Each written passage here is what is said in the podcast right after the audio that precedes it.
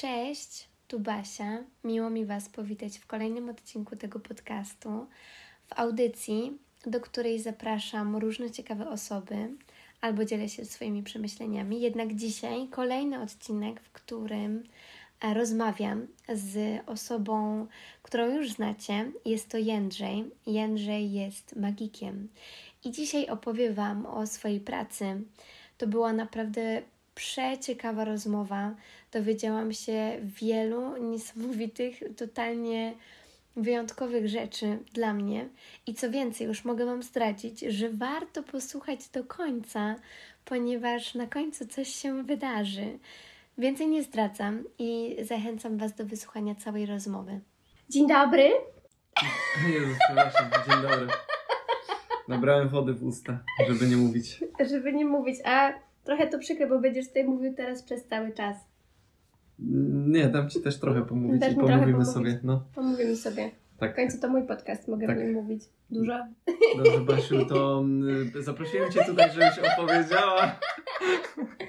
Nie no, jednak powiedzmy sobie e, prawdę, to znaczy, że to ja Ciebie zaprosiłam No dobrze. tak do było. mojego domowego studia, jak zawsze. E, Cudownego, przytulnego. Wygodnie Ci? Mm. Tak. To no, dobrze. tak naprawdę to tak. tak. Tak naprawdę to tak. No to fantastycznie.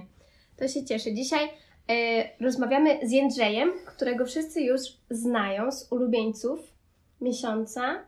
To był lipiec? Nie, czerwiec. Nie mam pojęcia. To, To, był było czerwiec. dawno. Tak, to, było dawno. Ale tam już się pojawiłeś po raz pierwszy i wtedy opowiadałam o tym, że pojawisz się po raz drugi, ale w trochę innej roli. Czyli przewidziałaś przyszłość. Przewidziałam przyszłość. To Tak, się sprawdziło. E, tak, to jest magia, o której będziemy dzisiaj rozmawiać. Płynne przejścia, szanuję bardzo. Cudowne przejścia i od tego zaczniemy. Czy wierzysz w magię? Myślałem, że jeszcze powiesz jakieś wprowadzenie, co ja robię w ogóle i kim jestem. Ale dobra, jak wszyscy mnie znają, to dzień Wszyscy dobry. Cię znają. Wszyscy mnie znają Wszyscy bardzo. wiedzą, że jesteś magikiem, iluzjonistą. Okej, em, Pan od dobrze. sztuczek? Pan od sztuczek, o nie. Dobra, ale to za chwilę ten. To przepraszam jeszcze raz, jakie było pytanie? Czy wierzysz w magię? I to jest bardzo fajne, ale też złożone pytanie, bo mm, myślę, że czę- często w sumie jakby widzowie gdzieś tam po pokazach mnie pytają, czy wierzę w magię, albo no nie wiem, czy magia istnieje. I to jest, na to można odpowiedzieć i tak, i nie. Uuu. zależy, zależy z jakiej strony się e, ugryzie, bo ja jakby trochę jestem takim, no nie wiem, powiedziałbym sceptykiem, racjonalistą i raczej w takie jakieś tam nadprzyrodzone rzeczy raczej nie wierzę Mhm. ale y, magię troszeczkę inaczej postrzegam. Bo jak dla mnie jest dużo rzeczy, które jakby zakrawają od ma- o magię, ale Mhm. magią nie są. Bo to też, to też jest wszystko takie triki, że trzeba Mhm. sobie zrobić dobrą definicję magii. E, Tak. Mój znajomy iluzjonista Król Maciej ostatnio wydał taką książkę dla magików, która nazywa O. się Struktura Magii. I tam jest Super. ekstra e, definicja magii. E, ja teraz nie zacytuję jej w pełni, bo nie wykułem tego na pamięć, ale generalnie chodzi o to, że e, kiedy widz doświadcza czegoś takiego niemożliwego w takim sensie, że jakby coś Nie rozumiesz. jesteś świadkiem czegoś, co wiesz, że nie, mo- nie mogło się wydarzyć, a mimo Mhm. to przed chwilą to właśnie widziałaś, nie? Tak. jakby doznajesz takiego, no takie dwie rzeczy się zderzają w twojej głowie, że wiesz, że to nie może być, a z jednej strony o, przed chwilą to widziałaś. Tak. To, czyli dos, doznajesz takiego tego niemożliwego, no i to wiadomo, zazwyczaj trwa chwilę, bo potem przechodzisz jakby do tego rzeczywistego świata, no i Tak. wiadomo, już jesteśmy w, rzecz, w rzeczywistości. Potwierdzam, A- wydarzyło się to przed chwilą. Przed chwilą byłam świadkiem Niemożliwego. niemożliwego, wspaniałej magii. Otóż zamknęłam oczy. Mogę powiedzieć, co się wydarzyło? No, to będzie ciekawe w sumie, no możesz, bo tak nikt, nikt, Nikt chyba nie nigdy nie opowiadał o, o, o e, sztuczkach magicznych, o magii. No o nie jak chcesz, o efektach magicznych. to? efektach magicznych. A też będziemy o tym rozmawiać, jak to Mhm. nazwać w takim razie. Ale chodzi o to, że y, Jędrzej pokazał mi e, ciekawą magię karcianą i jakby ostatni element polegał na tym, że zamknęłam karty w swoich dłoniach i on nie mógł nic z tym zrobić. W sensie nie mógł ani ich wyjąć, ani przełożyć, ani nie wiadomo co. I ze sprawą magii wydarzyło się coś niesamowitego, bo otóż jedna karta została przełożona w tej talii i była to karta, którą wybrałam. I doświadczyłam niemożliwego. Mm. Mój umysł było. wybuchł i Jędrzej może powiedzieć, potwierdzić, że moja reakcja jakby nie mieściła się w tym pomieszczeniu. No tak, tak, także no dokładnie, to co Basia wam opisała to jest taki, no powiedziałbym, idealnie opisany moment magii, kiedy faktycznie Tak. dzieje się coś, co się nie mogło zadziać, ale to co ja postrzegam jako magię i dla mnie jest Mhm. magią, bardziej e, to są takie momenty magiczne, które wydaje mi się, że większość z nas doświadcza na co dzień, czyli coś, co jest możliwe, a mimo to wprowadza e, nas w taki zachwyt, że nie wiem, Tak. E, Ja z Basią dzielę e, taką miłość do e, samolotów na przykład. Tak. I ja za każdym razem jak widzę, że samolot leci, to po prostu tak sobie myślę, nie no, ja, w sensie takie wielkie badziewie, nie wiem, kupa żelastwa i to leci sobie w powietrzu. Tak. W ogóle odrywa się od ziemi. Tak, tak. No To, to, jest dla mnie no tak, i to, to, to są takie rzeczy w sensie właśnie, no nie wiem, typu samolot, typu tam dla niektórych wschód czy zachód słońca, Tak. e, rozgwieżdżone niebo, no Tak. Takie, momenty. Księżyc potrafi być tak, Tak. magiczny. No, takie momenty, kiedy sobie staje, stajesz, coś obserwujesz i masz takie wow. Albo dla mnie właśnie w ostatnich miesiącach to były jakieś tam koncerty, nie? Gdzie właśnie jest masa ludzi i wszyscy jakby są, nie wiem, częścią czegoś dużego. Wie- Bo to y, jest takie słowo e, z angielska o, e, nie wiem jak to wymówić, kojarzysz? Się, literuje A, W, E. To jest A, takie o. Nie, Czy To jest a, takie a, a, a, a. au? O, no, no. To w każdym razie to chodzi o taki moment y, zachwytu i takiego poczucia, że nie wiem, jest jakby coś większego od ciebie i masz takie poczucie trochę maleńkości, Tak, ale jednocześnie, że to jest takie wow, w sensie to prawda. i, i nie wiem, rozlewa się po tobie taka fala ciepła. To, To jest- generalnie... To jest No. magia i potwierdzam, dla mnie to też jest magia. Y, Pamiętam jak był taki, teraz taka anegdota, ale bez tego by się nie obyło. Y, Pamiętasz jak jechaliśmy razem na targ? No. E, I ja, w ogóle to było tak, że y, ty pode mnie, ty, po, ty po, Niefortunny dobór słów. Okej. ty po mnie podjeżdżałeś y, sam... nie mogę, Jezus Maria. Nie, no może Dobra, zostawiamy. tak, no. zostawmy. Filip, Filip Vibes tak bardzo. Tak. Ale y, podjeżdżałeś samochodem, żeby mnie zgarnąć i żebyśmy razem pojechali na, najpierw e, zabrać wszystkie rzeczy i później na targ. Pamiętam, że wsiadłam do samochodu i powiedziałam Ci, że byłam świadkiem magii i że y, opowiedziałam Ci o tym, że Vivien zrobił mi niespodziankę Mhm, i że mhm. cały dzień mi mówił, że będzie próbował teleportacji No, wieczorem tak. i przyleciał, nie mówiąc mi o tym, że przyleci. No, no, no. I stanął przed moimi drzwiami i, e, i to było niesamowite. I pamiętam, że wtedy Ci powiedziałam, że doświadczyłam magii i, Mm. i miałeś takie yeah, that's, that's an amazing thing. I to w sensie, ja właśnie myślę, że ja często właśnie mówiąc o magii, to tak utożsamiam te dwie rzeczy, w sensie, że Mhm. i to te niemożliwe powiedzmy zjawiska z właśnie takimi magicznymi momentami, kiedy dzieje się coś takiego, że wow. Tak. E, I tak, i to, to, to z jednej strony warto by było, nie wiem, gdzieś tam rozdzielić, ale to myślę, że bardzo często się łączy i mimo Tak. wszystko, nie wiem, to są rzeczy, które po prostu wprowadzają nas w taki, nie wiem, specjalny stan i To takie prawda. E, wow. Może jest E, kilka rodzajów magii. No, no to myślę, myślę, że każdy mógłby jakoś to sobie, nie wiem, samemu rozdzielić czy zdefiniować, ale w sumie Mhm. po co definiować? Jakby, no. w Czasami sensie- można żyć bez definicji. Y, Tak, a jeszcze jedną rzecz odnośnie magii, to chciałem, że dla mnie y, ostatnimi czasy w ogóle jest takie bardzo zawsze magiczne i niesamowite, chociaż to w sumie dla, nie wiem, kogoś z zewnątrz mogłoby w ogóle nie być niesamowite. Jak ja na przykład miałem, nie wiem, gdzieś tam kilka, czy no kilka lat temu, ale już sporo, sporo, gdzieś tam pokaz i na przykład ktoś do mnie, nie wiem, dzwoni po 6 latach czy 7 latach, że e, no pamięta mój pokaz i że pamięta, bo tam robiłem coś tam właśnie z kartami i że, i że chcieliby mnie, nie wiem, e, wynająć na przykład na jakąś tam uroczystość, bo właśnie wspominają, że coś tam się stało, niesamowite. że było niesamowite. I dla mnie to jest takie w sensie, że To jest no magia. dobra, w sensie nie, nie, nie umniejszając temu, co robię, to ja robię, no nie wiem, e, czasami to niektórzy tak mówią, głupie sztuczki z kartami, a mimo to wiesz, a mimo to gdzieś Ludzie, ludzie zapamiętują i oni to mają w głowie. Naprawdę, w sensie, że dla mnie to jest niesamowite, jak ludzi potrafi to dotknąć, nie? Że taka w zasadzie niby była hostka, ale zostaje to z nimi gdzieś tam na, No. na całe lata i oni to wspominają, pamiętają i nawet czasami jak mam jakieś tam gorsze dni i tak, wiesz, jakby no gdzieś tam myślę, że o, nie, może nie było warto władować w to tyle czasu, nie? To gdzieś tam czasami mi się przypomni, że no, ale potem właśnie ktoś widział mnie tu na pokazie, ktoś potem pamiętał, potem po, podszedł do mnie jakiś pan i powiedział, że wspomina mój pokaz tam sprzed iluś lat i coś tam i to jest takie wow, że w sensie może No. jednak e, to, co robię To ma sens. ma jakąś wartość i ma jakiś sens, nie? I tak, dobra, zaczęliśmy grubo, ale Zaczęliśmy grubo, ale w sumie o to mi chodziło, bo chciałam tak z grubej rury. I, I takie ciekawe pytanie na początek, ale śmieję się, że, że zrobiłam takie mini i też takie małe intro, prawie Ciebie nie przedstawiając, bo, bo zostawiłam to sobie na drugie pytanie, Aha, bo chciałam zacząć właśnie tak y, trochę y, niespodziewanie o tej magii i zapytać Ciebie później, jak nazywasz swój zawód, bo Mm. mam wrażenie, że chyba ludzie albo to spłycają, Mhm. albo totalnie nie wiedzą, jak to ugryźć. W sensie, kim ty jesteś? Jesteś panem, panem magikiem, panem iluzjonistą, panem od sztuczek, panem od kart, panem panem pod krawatem.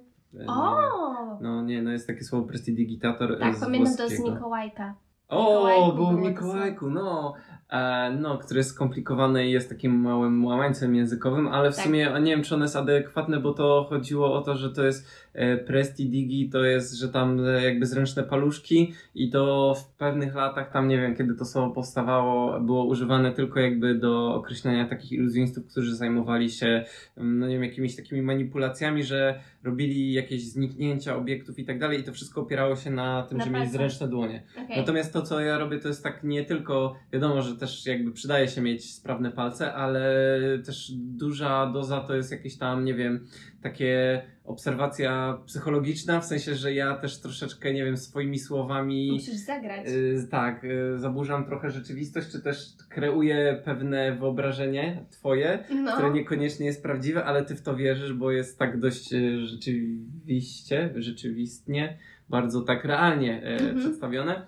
No w każdym razie, jeśli chodzi o samą, e, same nazewnictwo, etymologię, to e, mi się wydaje, że w Polsce słowo magik to tak się negatywnie kojarzy, bo to jest taki... Z horoskopem. Co? Nie, nie, tak mi się bardziej kojarzy z takimi, um, Jezus, przekrętami na jakieś... A, wiesz, że na, gdzieś na targu, czy tam, no nie wiem, na jakimś tutaj ryneczku, jakieś trzy tak, kup, kubki. trzy kubeczki, trzy proszę karty. je ten zapłać. Taka i- szulerka bardziej, nie? No. Że to jest taki magik, to jest taki, a, a i też w sumie u nas są takie koneksje jak, nie wiem, magik się na przykład mówi na, jakąś, na jakiegoś e, gościa, który jest złotą rączką i naprawia A, wszystko. tak. Że ty to jesteś taki magik, bo wszystko naprawisz. W sensie, że to ma różne powiązania. Myślałam o tym. Niekoniecznie negatywne, ale Mhm. takie różne rozmaite i niekoniecznie z tym zawodem. Natomiast w, e, po angielsku, jak już mówisz magician, to wywołuje troszeczkę inne koneksje i tam Tak. na przykład nie jest to łączone w takich ten. Tam, tam już większość osób jak mówi, że e, je- jeśli się ich pyta o zawód, to mówią, że I'm magician, a, a nie mówi się I'm illusionist. W sensie bardzo rzadko, bo Mhm. iluzjonista u nich to funkcjonuje bardziej jako taki gościu, który występuje gdzieś tam na scenie i wiesz, robi takie Aha. wielkie Show. show, no, z jakimiś pudłami, lewitacja, nie wiadomo co, nie? Okej. A, a magician to taki me po prostu... ten-. No, no, no, takie rzeczy właśnie. Takie właśnie. rzeczy właśnie. No, także jeśli chodzi o nazewnictwo, ja tam się nie oburzam, e, jakby, bo są koledzy, którzy tam, nie wiem, mówią, e, że ktoś na nich powie magik i od razu się obruszają. E, Ja tak naprawdę nie wiem, magik, iluzjonista, jakkolwiek już prze, przestałem się tak troszeczkę o to spinać, bo Mhm. myślę, że to, się, to jest bezcelowe. W Ale sensie- pan od sztutek to już nie. Znaczy, no brzmi po prostu trochę głupio, nie? Ale jakby, no jak mi ktoś tak powie, no to się nie obraża. W sensie chyba, że widzę, że on ma taką intencję, że nie wiem, chce mnie Obrazić. znieważyć albo tak, albo że uważa, że to co robię to jest jakieś tam, nie wiem, Pierdu, wy, pierdu. wygupy dla dzieci. No, ale nie, ja raczej się, no mówię, nie przejmuję e, i Mhm. raczej chcę, żeby moja praca, czy to co robię, jakby wiesz, mówiło samo za siebie, nie? Okej. A to, a to jak, jaką ktoś tam da mi łatkę czy nazwę do tego, to jest tam drugorzędna kwestia. Drugorzędny, okej. Tak, tak. Rozumiem. A skąd w ogóle ten pomysł? Dlaczego postanowiłeś zostać magikiem? Co sprawiło, że Jędrzej wstał pewnego dnia i powiedział ja rzucam pracę w Tak. korpo? Tak to nie było. E, nie no, e, bo jakby to się wiążą dwie historie i jedna jest taka, którą e, opowiadałem już parę razy w różnych tam wywiadach dla gazet i też ostatnio w podcaście takiej naszej e, lokalnej gazety z okolic, który, z których pochodzę. I, Mhm. I to jest historia związana z tym, że mój wujek właśnie e, oglądał kiedyś dużo Copperfielda w telewizji, jak leciał Okej. jak leciały te pokazy Copperfielda. No i on był taki zafascynowany i coś tam umiał jakieś takie właśnie małe mm, efekty magiczne przedstawiać. Mhm. I kiedyś coś tam mi pokazywał i ja też pamiętam, że to było takie wow, niesamowite i przez chwilę miałem takie, że o, też bym chciał umieć tak robić. Mhm. I to był taki, nie wiem, może jedna iskierka, Mhm. która się do tego dołożyła. Drugą iskierką było to, że pierwsza książka, jaką kiedykolwiek w ogóle przeczytałem w zerówce, w sensie tam przed pójściem do pierwszej klasy, to był Harry Potter i Kamień Filozoficzny, czyli pierwsza część. To powiedz mi, kto nie chciał być czarodziejem po przeczytaniu pierwszego Harry'ego Pottera, nie? Ej, ja, Jakby- ja w ogóle no. miałam tak, że na moje 11 urodziny mój tata powiedział mi, żebym poszła sprawdzić skrzynkę na listy, bo może jest list z Hogwartu. O, no i co był? Nie. No ja, myśl, ja myślałem, że jak on to tak przygotował, to wiesz, że coś tam chociaż No tak nie, wrzucił, no nie? nie, właśnie E. chyba nie, chyba to tak rzucił, myśląc, że w sensie wiesz, tak pół żartem, pół serio, ale ja ponieważ byłam naiwnym dzieckiem, Nie no, dzie- to... nie no, nie naiwnym dzieckiem, wiesz, dzieci to myślę, że po prostu, wiesz, wierzą w takie rzeczy. Nie? No i w magię i tak dalej. Ej, no nie, no to, ale masakra, w sensie... Mocny żart, mocny żart. To był, no mój tata był No. cudownym e, człowiekiem, jeżeli chodzi o takie żarty. Kiedyś na Żarty, przykład, żarciki. a propos magii też, No, bo to no. nadal magia, e, zapytałam się, jak zawracają pociągi, bo było to dla mnie niesamowite, że masz jeden tor, ten Mhm, pociąg nie mhm. zawróci tak jak samochód, że wiesz, wjedzie, zakręci, wykręci i wróci. No. No i jechaliśmy właśnie wtedy pociągiem i zadałam to pytanie i tata się do mnie tak obrócił i mówi, słuchaj Basia, zaznaczam, miałam 9 lat. Słuchaj Basia, to jest tak, że pociągi o północy, jak nikt nie patrzy, rozpędzają się na szynach, y, wylatują w powietrze, zawracają w powietrzu i lądują z powrotem. Ja wiesz, ja po prostu naprawdę? A to tak na mnie patrzy, mówi, nie, po prostu przykładają lokomotywę naprzód pociągu. Znaczy na Czyli, dół, y, naprzód, tył. Czyli twój tata aż nie, nie był aż taki sadystyczny, bo jakby chciał, to mógłby ten żart pociągnąć jeszcze Tak. tak, z, trochę dłużej, no. Tak, To ale dobrze, no... to nie, to okej. Ale ja po prostu też y, jakby naiwność y, u mnie to była dosyć mocna i potrafiłam uwierzyć. Uwierzyłam kiedyś mojemu koledze, że em, chciałabym powiedzieć, były takie książki Terego Pratchetta. No, świat dysku? Tak, i on No. powiedział, że to wszystko jest prawda i jakby chciał pociągnąć ten żart dalej, że Mhm. Sherlock Holmes był jakby też jakby prawdziwą e, osobą i O. w ogóle, że istniał naprawdę i że byli kuzynostwem, coś tam, coś tam, ale moja siostra zaczęła się śmiać, no i ja Mhm. wtedy się szczaiłam, że to jest e, wkręcanie mnie. By the way, e, tak mi się coś kojarzy, że Sherlock Holmes chyba e, bazuje na jakiejś tam, wiesz, prawdziwej postaci, ale, ale wiesz, to pewnie no większość fikcja li- literacka, no ale mimo wszystko. No. E, jakie było pytanie? Aha, już wiem.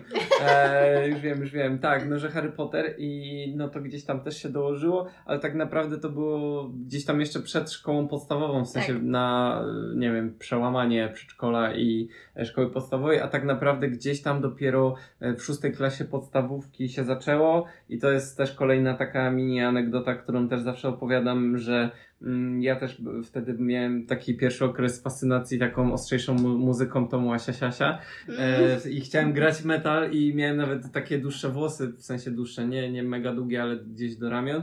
Em, w każdym razie skądś tam... Chciałabym za- zobaczyć zdjęcia z tego okresu. Oj nie, oj nie, nie chciałbyś.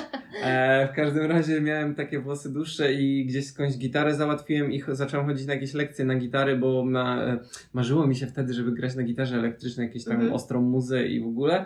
Nice. No i chodziłem na te lekcje gitarowe, tylko że właśnie nasz nauczyciel e, jakby to, bo to na klasyczną najpierw czytam, na akustyczną teraz nawet nie rozróżniam, widzisz, ale w każdym razie chodziłem na lekcje i nasz nauczyciel, nie, nie wiedzieć czemu, uczył nas e, grać piosenki Dody i kolendy głównie, Ojej. więc i kazał śpiewać, więc jakoś tak po... Nie daj się. Bardziej ten.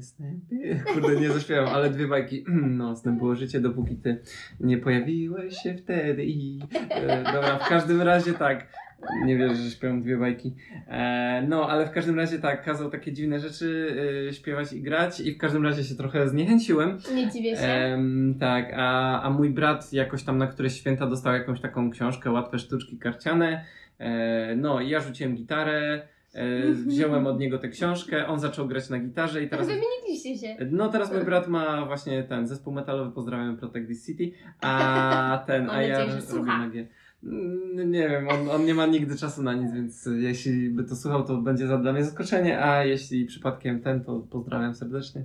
No, także tak. Zobaczysz, napiszę do ciebie. Także od, w sumie od końca szkoły podstawowej to się zaczęło i potem w gimnazjum gdzieś tam występowałem tak dla rodziny trochę, coś tam, dla jakichś znajomych. E, na, pamiętam, że nawet na przerwach w gimnazjum e, coś tam testowałem, pokazywałem jakieś rzeczy.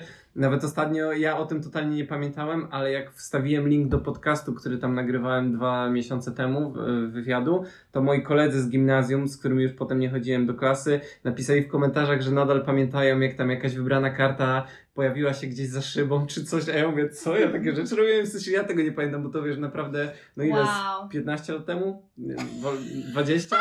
No nie wiem, nie, nie, nie liczę, ale masakra, nie? I także oni to pamiętają. No, a w czasach licealnych mie, mieliśmy jakiś tam taki konkurs Mój Talent, w sensie ala Mam tak, Talent. tak. I No. takie, takie rzeczy, no i tam coś też wystąpiłem, bo ja generalnie byłem taki dość nieśmiały, więc to ode mnie dość dużo wymagało energii jakby, żeby z, z czymś takim wyjść. Nie spodziewałabym się. No nie?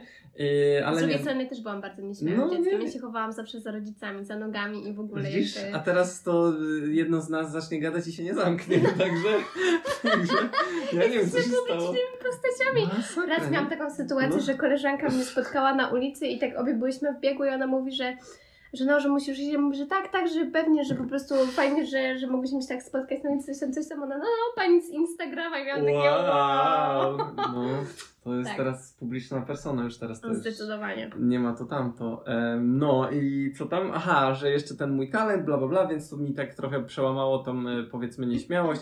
Gdzieś tam sobie wystąpiłem. No i wtedy też zacząłem występować na jakichś tam weselach. Występowałem przez jakiś czas na sali zabaw dla dzieci, przez co mam traumę. Em, O Jezus, nie, dlatego no, Jędrzej nie pracuje Tak, z, już, już, już teraz nie. e, na takich e, bajkach dzieciowych. No i, i to było w czasach liceum, no a potem poszedłem na studia, no i w, w czasie studiów już jakieś tam kontakty w Poznaniu pozwoliły mi też dostać na jakieś imprezy firmowe i tak dalej. Fajnie. E, no, skończyłem studia, przez 10 miesięcy pracowałem trochę w zawodzie, robiąc nadal pokazy i potem em, założyłem firmę. Przyszedł COVID i resztę już znamy. E, także tak, that's the end. Wiesz, ty już znamy. To prawda, ale w ogóle to jest, No. e, to jest niesamowite, bo mm, jakby zobacz, w sensie jak sobie spojrzysz na to wszystko i pomyślisz, e, kiedy to się zaczęło i od czego to się zaczęło, a gdzie jesteś teraz i ile czasu to zajęło, to No, szacun kawałek. ogromny. No, w sumie To to jest, jest, trochę e, droga. To jest, wiesz, to od zera do bohatera. E, to wiesz, tam do bohatera to ten, ale no, Ja myślę, ale trochę tak. się pozmi- pozmieniało się trochę. Bardzo dużo się pozmieniało. A powie, mówiłeś No. o tej książce, którą dostał twój brat, ale finalnie to ty ją wziąłeś. No. Ale oprócz takich rzeczy, to właściwie gdzie się tego wszystkiego nauczyłeś? Jak to działa? To jest jakaś tajna wiedza? W internetach. Nie, no to, to, to też jest prawda, że y, kiedyś, w sensie w tych czasach, jak ja zaczynałem, czyli okolice, nie wiem, roku 2006, czyli 16 lat temu, dobrze mówię? 16 lat temu jakieś. Mhm. Em, no, było bardzo ciężko jakby się natknąć, czy też znaleźć jakiekolwiek materiały, no bo YouTube chyba wtedy jeszcze nie istniał. y, no, YouTube raczkował. To był pierwszy albo drugi rok, czy trzeci, no nie pamiętam, w którym roku YouTube założy, został założony, ale to były mega początki i generalnie e, to było tak, że właśnie bardzo ciężko, bo jakby no siłą rzeczy magicy raczej to, czym się zajmują, starają się trzymać w sekrecie, żeby No to, to nie wypłynęło gdzieś tam na, e, na świat. A nie, a dlatego to się wszystko tak trzyma pod takim, no nie wiem, kłódką, zamkiem gdzieś No tam w sekrecie. Wydaje mi się, że jeżeli to jest gdzieś no. publikowane, to to jest sama, sa, sam już ten efekt magiczny, a nie rozpracowywanie go na części pierwsze. E, no, w sensie y, tak, no je- jest jakby dużo wykonań gdzieś tam w necie do obejrzenia, ale faktycznie no, tych, na sekrety ciężko trafić. I na przykład są, ja wtedy odkryłem, że było w Polsce jakieś forum takie magiczne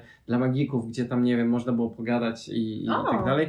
To powiedzmy mi tam na początku trochę pomogło. Mhm. E, aczkolwiek to przez pierwsze 2-3 lata czy coś, no przez, przez gimnazjum całe, jak tam byłem 2006-2009, to, to myślę, że w tych latach to forum działało, potem to jakoś upadło, no i tak. Okej. E, no ale w każdym razie, jeśli chodzi o materiały, no to pamiętam, że jakieś książki takie były, kilka było wydawnictw, e, które e, miały jakieś pojedyncze publikacje w tym temacie.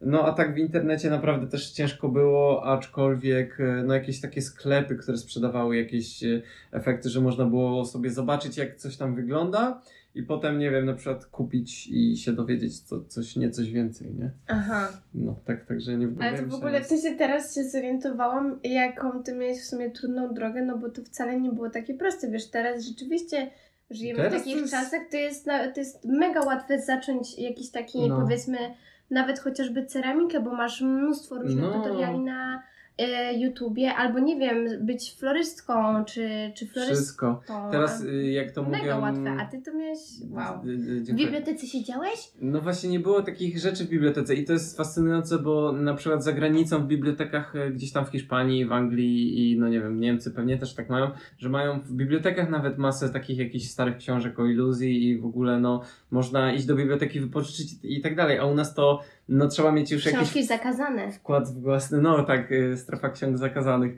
E, trzeba mieć jakiś wkład własny, no bo nie są raczej w bibliotekach takie rzeczy dostępne. Myślę, że mo, no może są, ale bardzo to nie jest tak rozpowszechnione jak na zachodzie, No. nie? E, Może a- też nie było tłumaczone w ogóle. Y, No bardzo mało, nie? W sensie no, no, jakby nie, nadal to jest takie coś, że y, głównie jest a literatura anglojęzyczna, także Mhm. też pomogło mi to, że w miarę szybko się zacząłem uczyć angielskiego na własną rękę, to, no, to naprawdę pomogło, bo jakby większość tej wiedzy jest na, e, no, w książkach. Tak jak mówiłaś o tym YouTubie, no to są na przykład jakieś sekrety też zdradzane na YouTubie, ale to nie jest jakby najwyższej jakości, a książki to już piszą, piszą zazwyczaj autorzy i pomysłodawcy tych rzeczy, więc oni się. O. znają na tym. A na Okej. YouTubie to jest często tak, że jakiś, nie wiem, w cudzysłowie dzieciak e, Tak. znajdzie jakiś efekt magiczny, się go nauczy I, nawet pokaże. y, tak, i nawet go nie przećwiczy dobrze i już pokaże na czym on polega, że to jest takie bez sensu trochę zdradzanie sekretów po nic tak No. naprawdę. W sensie on pewnie, nie wiem, liczy na jakieś lajki i nie wiadomo Tak. co. Zrobię szybki tutaj dygresję, że na TikToku jest taka duża teraz tendencja, że no masa jest kont, które po prostu, wiesz, bez sensu zdradzają e, po prostu sekrety tak od O. tak, nie? Bo nie Ale wiem, to są właśnie magicy, czy to są jakieś takie dzieciaki? E, Myślę, że to są. Nie nazwałbym ich magikami. nie, to są po prostu ludzie, którym nie zależy na, Mhm. na, na, na jakby na magii jako na sztuce, nie? Czy na iluzji. Mhm. To są po prostu, nie wiem, ludzie, którym zależy na jakiejś popularności internetowej, czy nie wiem jak to A to nazwać. jest smutne, masz No bo, rację. no bo, bo gdzieś tam każdy by chciał podskórnie, tak wiesz, wiedzieć może jak Tak. to jest zrobione. Za każdym jest takie, razem takie... jak pokazujesz, No, e, to cię i coś swędzi, nie? to mnie swędzi i mam ochotę. Ciebie za, zapytać, jak to, żebyś mi wytłumaczył, bo ja w ogóle też mam coś takiego, że jak nie mogę czegoś zrozumieć, jak Mhm. coś funkcjonuje, albo tak zazwyczaj na przykład miałam w szkole, zwłaszcza na, na fizyce Mhm. głównie, że jak nie mogłam zrozumieć, co skąd się bierze we wzorze, to czułam taką wewnętrzną wściekłość. Miałam Mhm. taki po prostu, wiesz, taki, yy, że ja próbuję coś zrozumieć i to, to nie klika w moim umyśle. Mhm. Jak coś takiego się zadziewa, to ja po prostu mam taki wewnętrzny bulwers i, i jak nie mogę tego zrozumieć i to do mnie nie dociera, to, to mam, No, jestem rozumiem. taka, wiesz, wkurzona na maksa i No. mówię sobie, ale z drugiej strony mam też takie poczucie, że jakbym się dowiedziała, to już by cały ten czar prysł. No, jeśli chodzi o to, co ja robię, to na pewno, dlatego ja, wiesz, jakby już Nie nie, chodzi o fizykę, to trzeba to nie zdradzę nikomu. Nie, no, na, o, jeśli chodzi o fizykę, no to jest, wiesz, jakby powszechnie dostępna wiedza i e, dobrze, rzetelnie opracowane No materiały właśnie. można znaleźć wszędzie. A propos, e, jedna rzecz, która, której przez jakiś czas totalnie nie mogłam zrozumieć, pamiętam, miałam chyba z 15 lat, jak się tego dowiedziałam, No. że czasami jak patrzysz na niebo, to widzisz gwiazdy, których już nie ma. A, no, bo no, to no. światło, przecież to są lata świetlne jest, i no. widzisz coś, czego już tak naprawdę w rzeczywistości nie ma, tylko to światło jeszcze dociera do Ziemi, no bo jakby lata świetlne to leci. No, tak? no. Nie wiem, czy dobrze używam odpowiednich słów, więc jeżeli słucha to jakiś fizyk, to przepraszam za herezję, Ja którą głoszę, skończyłem ale... matwis, więc uważaj na to, Okej. co powiesz. Nie, nie, spoko, póki co wszystko... Wszystko cacy? Przynajmniej Ale na tyle, ile pamiętam. Pamiętam, że właśnie jak, te, jak ktoś mi to powiedział, to ja miałam takie, to jest niemożliwe, w sensie to jakby Mhm. się kupy nie trzyma. To, czemu ja mam patrzeć na coś, czego nie ma? Mhm. Rozumiesz? W sensie miałem, jakby mózg ci wybucha od takich rzeczy. No. Więc e, tak.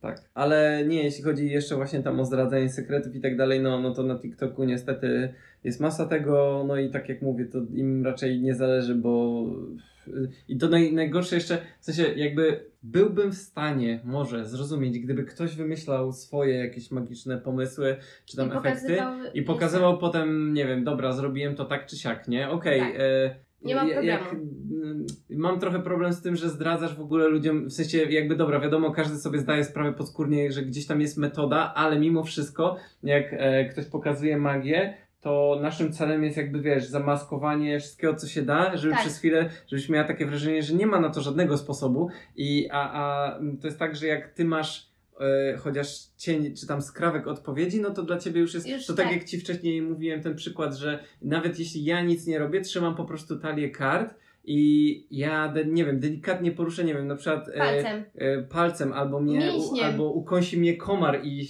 nerwowo poruszę, nie wiesz, tak gwałtownie, to ktoś już powie, o, to był ten moment, kiedy zrobiłeś tamto i wtedy tam, nie wiem, To e, się zadziało, to i, się zadziało. i z tego wynika Tak. to, że na końcu Tak, i- kartę miałeś w kieszeni. No dokładnie i ktoś nawet nie musi mieć, wiesz, całej odpowiedzi, jak Tak. do tego doszło, tylko wiesz, widział coś podejrzanego i już sobie dopowiada resztę, że, że to był ten moment i wiesz, i to jest, o to chodzi, że masz właśnie fragment odpowiedzi, ale dla kogoś to już jest e, jakby w zupełności Wystarczające. wystarczające. I No. nawet było takie powiedzenie, jeden magik to trafnie zauważył, że dla magika, jeśli magik ogląda magika, to jeśli nie wie chociaż jednego małego elementu z tego sekretu, to ten sekret go oszukał, że ja na przykład jak widzę czyjś tam trik magiczny Mhm. i, i rozumiem mniej więcej co się dzieje za kulisami przez całość trwania tego, Mhm. ale nie rozumiem jednej małej rzeczy, to dla mnie jest to wow, niesamowite, w sensie coś nowego i tak dalej. Mhm. Natomiast jeśli jakiś like to ogląda, Mhm. e, to może, może wiesz, może przez całość zupełnie nie wiedzieć o co chodzi, przez ten czas, kiedy, który ja rozumiem, co się dzieje. Ty Mhm. możesz po prostu, wiesz, widzieć to z zewnątrz,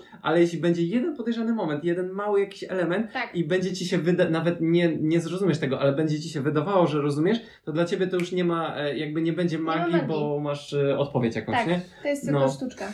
Tak, tak, także... jest- Ale masz rację, w ogóle teraz uświadomiłam No. sobie, że to jest takie przykre, bo to trochę tak jakby na przykład, e, no nie wiem, czekaj, muszę teraz znaleźć jakiś taki, e, poczekaj, poczekaj, poczekaj, jakiś taki Nie, zawód. spokojnie, ja czekam. E, E. Drodzy Państwo, musicie teraz zaczekać cierpliwie, bo Basia tutaj właśnie opracowuje system skomplikowanych metafor, które poprowadzą Was... Dobra. O, już wiem. No. To tak jakby na Ale. przykład, jakbyś miał e, powiedzmy mm, projektanta mody Mhm. i wszyscy się zachwycają tym, jak on w ogóle dobiera kolory, jak on dobiera, e, wiesz, jak on dobiera struktury, jak on dobiera materiały, jak Mhm. on dobiera, nie wiem, printy czy coś takiego. Mhm. I ktoś przychodzi i mówi, proste, no nie wiem, e, powiedzmy ma y, zaobserwowane tą, tą, tą i tą osobę na Pinterestie i tylko od nich bierze Mhm. cały czas inspirację. I Mhm. wiesz, i cały czar, pry, czar pryska. No, no, no. Że to, że to nie jest tak na przykład, że to wychodzi od niego, bo nie wiem, przeszedł się na spacer i zobaczył strumyk i pływające tam Strągi. Cokolwiek. Aha. E, Ale wiesz, że jakby zainspirował się naturą czy coś i wraca do domu, projektuje, tylko na przykład, nie wiem, spędził godzinę na Pinterestie, żeby to zobaczyć. Powiem Ci jeszcze, Mhm. że na przykład ym, teraz mi się też skojarzyło, jak y, o, obecnie czytam Pachnidło nadal, Mhm, mhm, rozmawialiśmy o tym, mhm. ale y, czytałam tam taki fragment, że no, w Paryżu wtedy znajdowało się tam paru twórców perfum. Mhm. I jeden z nich po prostu jakby y, miał swojego, dajmy na to, szpiega, który kupował perfumy u tego innego e, twórcy i przynosił mu ten perfum, on go wąchał, potrafił go rozpracować Mhm. na, e, wiesz, z czego się w ogóle składa, co tam czuje, jakie są zapachy, tworzyć coś podobnego, ale dodawać coś od siebie i proszę Mhm. bardzo, nowy perfum i on to wszystko zrobił sam. Mhm, Czaisz. mhm, I to jest po prostu mhm. Jakby ja mam wewnętrzny bulwers i teraz też mam wewnętrzny bulwers, że jakby to jest trochę tak, jakby ktoś ci zabierał pracę. Znaczy no, no, No. przesadzam, ale Znaczy nie, jakby spo, spoko y, porównanie. Generalnie tak z, z tym projektowaniem mody myślę, że, że tak jak, jak najbardziej w sensie, że, że ten jakby ten czar pryska faktycznie w sensie jak znasz to od kulis, że, tak. że to jest, y, to nie jest jego praca i tak dalej. E, ale, ale jakby, że tam jeszcze jak ten sekret wyjdzie na jaw, to jakby nie umniejsza tego, że jakby wiesz, to, to dzieło mimo wszystko jest nadal atrakcyjne wizualnie. Tak. A u mnie, wiesz, w sensie to się, że jest taki jakby dodatkowy element, że jak zdradzisz ten sekret, no to nie dość, że ten czar pryska, no to masz w ogóle jakby to... To już no, nie jest ta magia. Jakby nie dojdzie do tej magii, to w ogóle wiesz, jakby ludzie, no tak po prostu coś tam tasujesz karty, nie? I w Tak. sensie nie ma, nie, ma, nie ma tego głębszego przeżycia, nie? A Tak. tam mimo wszystko, że zepsujesz jakby ten, no to gdzieś, gdzieś wiesz, jakby to, to jest bardzo Nadal podobne, jest- ale takie no, no są Nie no wiem, ten. Wiesz, to wiesz są, co chodzi, no, no, wiem no. o co chodzi. Jakby, że u mnie to się wszystko opiera na tym sekrecie, nie? Tak. Więc e, no, tam to wszystko runie. tego jest trochę I, przykre. I czasami się mnie ludzie jeszcze pytają, a no weź nas naucz czegoś prostego, albo nie wiem, ten. Ha, Mm, Mm, I powiem w ten sposób, że kiedyś ja na samym początku, jak mnie ktoś długo naciskał, no to na przykład tam mówię, dobra, to tutaj wa- was nauczę czegoś prostego, bla, bla, bla. Ale to właśnie też działało na tej zasadzie, że w momencie, kiedy, nie wiem, ja tam na przykład zaczynałem im coś tłumaczyć, to też widziałem, wiesz, że na ich twarzach było takie, takie wiesz, e, takie, w sensie taki smutek, że, Aha. że to jest takie Proste, jakby tak. banalne, że zazwyczaj te sekrety same sobie, ta metodyka jest taka, no dość prosta, nie? No musi być proste, tylko bo jakby jakbyś ta- miał nie wiadomo co zrobić, to przecież No tak, no masz- nie mam magicznego pyłku, nie? W, No tak, w nie masz tylko swoje ręce tak naprawdę. Mam swoje ręce, narzędzie. i to co mówię i to co wiesz, e, myślę, bo też czasami, nie wiem, e, jakieś zapamiętywanie, no nie chcę, nie chcę się wgłębiać w metody, nie? Nie, ale, nie, nie. Ale Tutaj generalnie... nie zdradzamy niczego. Nie zdradzamy niczego, ale generalnie chodziło o to, że jakby wiesz, właśnie oni byli, byli tacy właśnie rozczarowani, że to jest aż tak proste, Tak. a, a mi się wydaje, że to po prostu to, co my iluzjoniści robimy dobrze, to to jest to, że my właśnie bierzemy, nie wiem, jakąś część mechaniczną, że na przykład, nie wiem, szybko nauczę się coś tam przekładać, jakąś kartę, Tak. plus plus taki jakiś ciekawy wybieg, czy jakiś zabieg psychologiczny, że ja ci wcześniej coś zasugeruję i ty przez Tak. to pomyślisz o czymś innym, plus, że ja mam w pamięci, nie wiem, jakąś sekwencję kart, która mi pomoże przy czymś tam. I w sensie, że wiesz, że my bierzemy No. kilka różnych elementów i to potem jesteśmy w stanie tak skleić Tak. do kupy, żeby, do kupy brzydko powiedziałem, ale, Ale, no, ale tak. żeby stworzyć jakby, wiesz, Całość, taką, obrazek. takie piękny obrazek, który wiesz, po rozebraniu na elementy to jest takie, a to jest banalne, to jest banalne No. i tak wiesz, ale całościowo to jest po To prostu prawda. stwarza takie, wiesz, wow, Ale niesamowite to wrażenie. prawda, to jest, to jest trochę tak, jak na przykład y, jakbyś Mhm. dostał wyjątkowy tort, przekładany kremem i tak dalej i zachwycasz się tym niesamowicie, to jest w ogóle wow. Potem pytasz o przepis, ktoś mówi, no po prostu, nie wiem, jajka, mąka, cukier, kremówka. No, a ty I masz takie, tyle? co?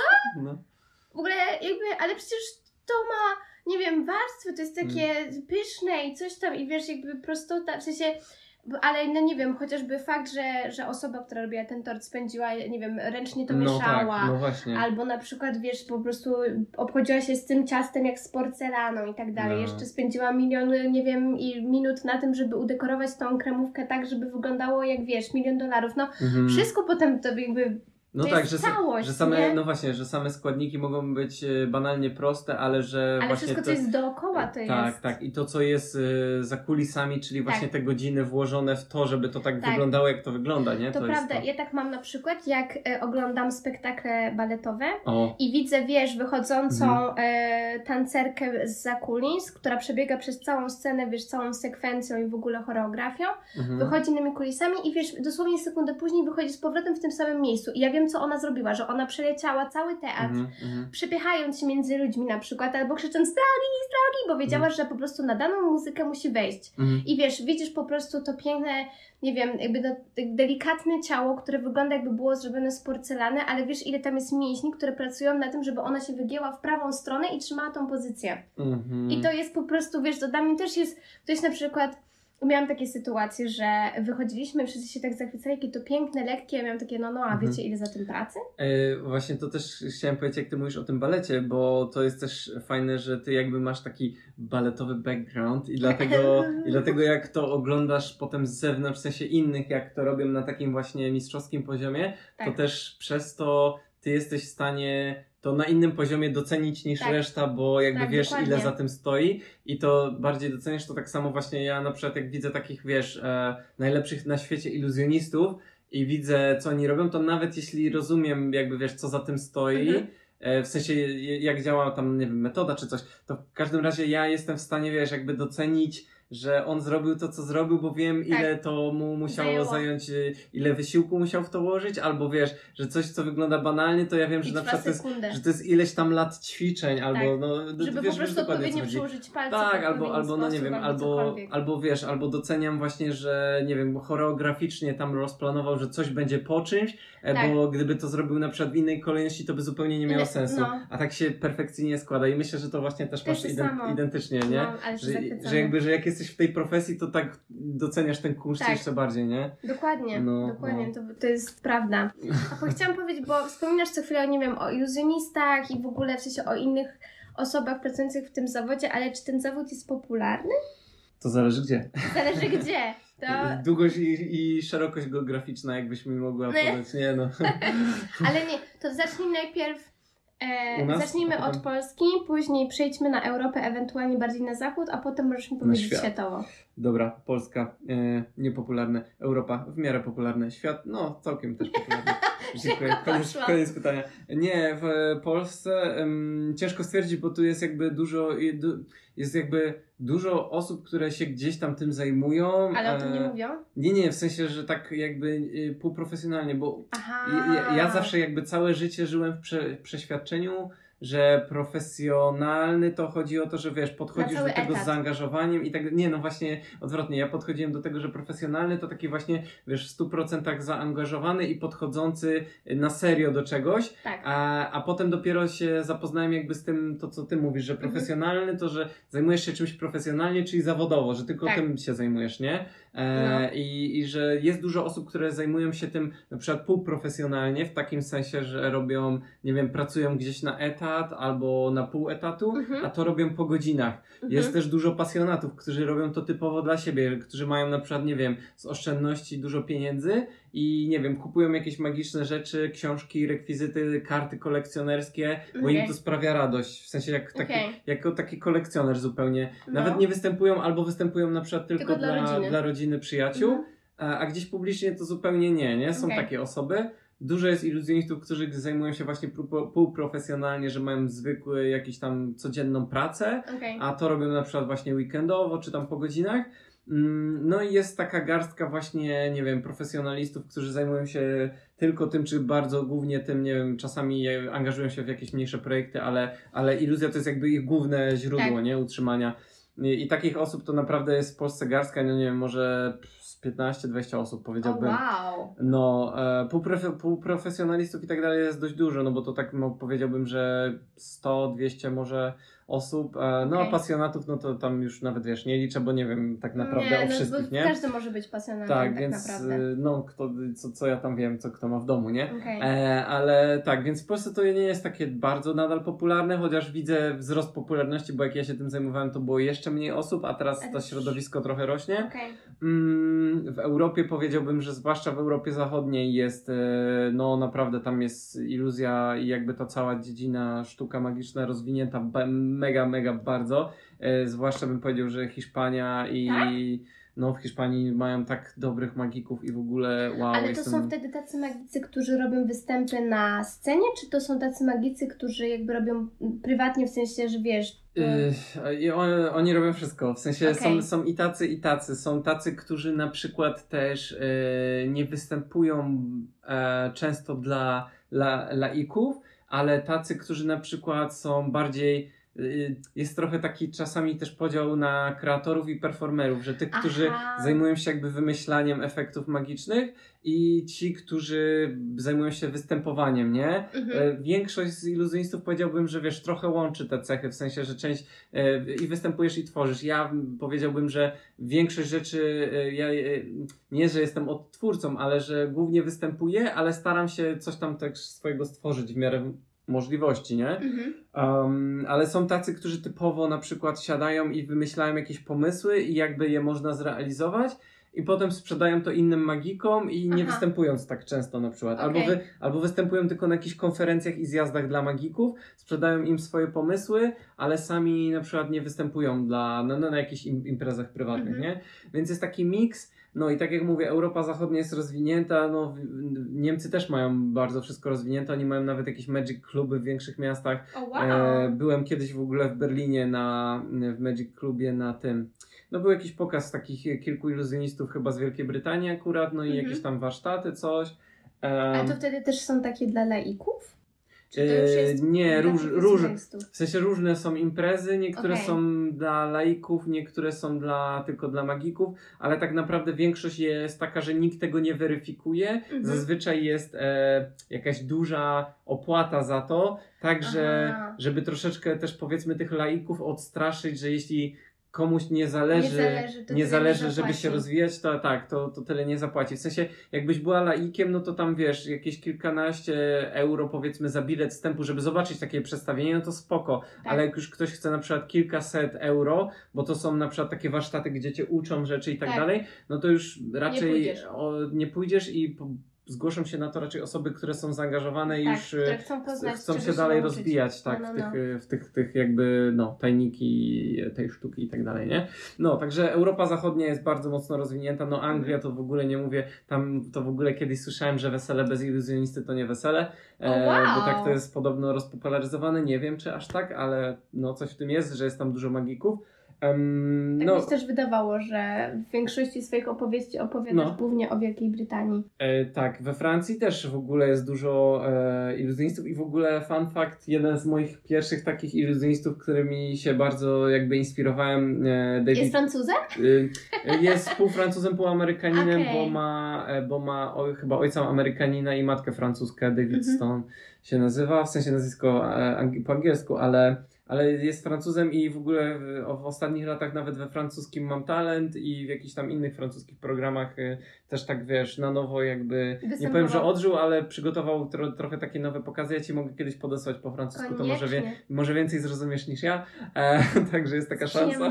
No, jest, jest naprawdę mocny. No i we Francji e, no też jest dużo ten. Jest taki w ogóle jeden z najbardziej szalonych magików, jakiego poznaliśmy na konferencji. Mhm. E, nazywa się Etienne Pradier. E, Mhm. Jest Francuzem, ale na przykład mieszka od e, tam nie wiem 20 czy 30 lat w Wielkiej Brytanii i tam Okej.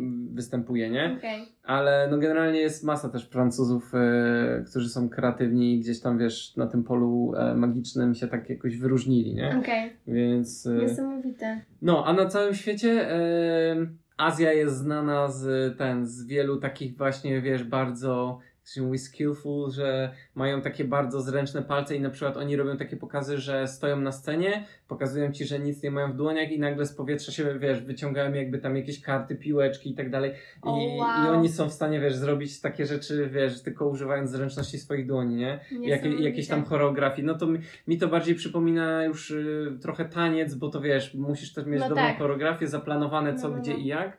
Mm, ale to jest też takie ciekawe, nie? Bo to jest Mhm. zupełnie inny odłam iluzji. No i nie wiem, myślę, że to Azjaci są bardzo dobrzy w tym, y, dlatego że no, wy, wydaje mi się, że to wymaga o wiele większej ilości pracy włożonej i takiego skupienia na zadaniu, a wydaje mi się, no, że te kraje azjatyckie są znane z takiego rygorystycznego treningu i Tak. tak wiesz, że oni, oni są właśnie ta- tacy zdyscyplinowani, więc myślę, że to się stoi trochę za jakby tym Też sukcesem, kulturą. że tak, tak, tak, że, że kultura też na to właśnie miała, e, odcisnęła na tym piętno, nie? Że oni Tak. są dobrzy w takich rzeczach właśnie No, no, no. mm, bardzo zręcznościowych czy też Prawda. manipuli- manipulacyjnych. No i w Stanach jest masa iluzjonistów, też dużo takich e, zjawisk, e, które się w Polsce dopiero popularyzują, jak na przykład magia tam, nie wiem, w barach czy w restauracjach, to na zacho- e, jakby w Europie tego tak nie było, było bardziej kiedyś magia tutaj powiedzmy w teatrach, na salonach, w Mhm. sensie, że gdzieś tam u- na prywatnych wydarzeniach,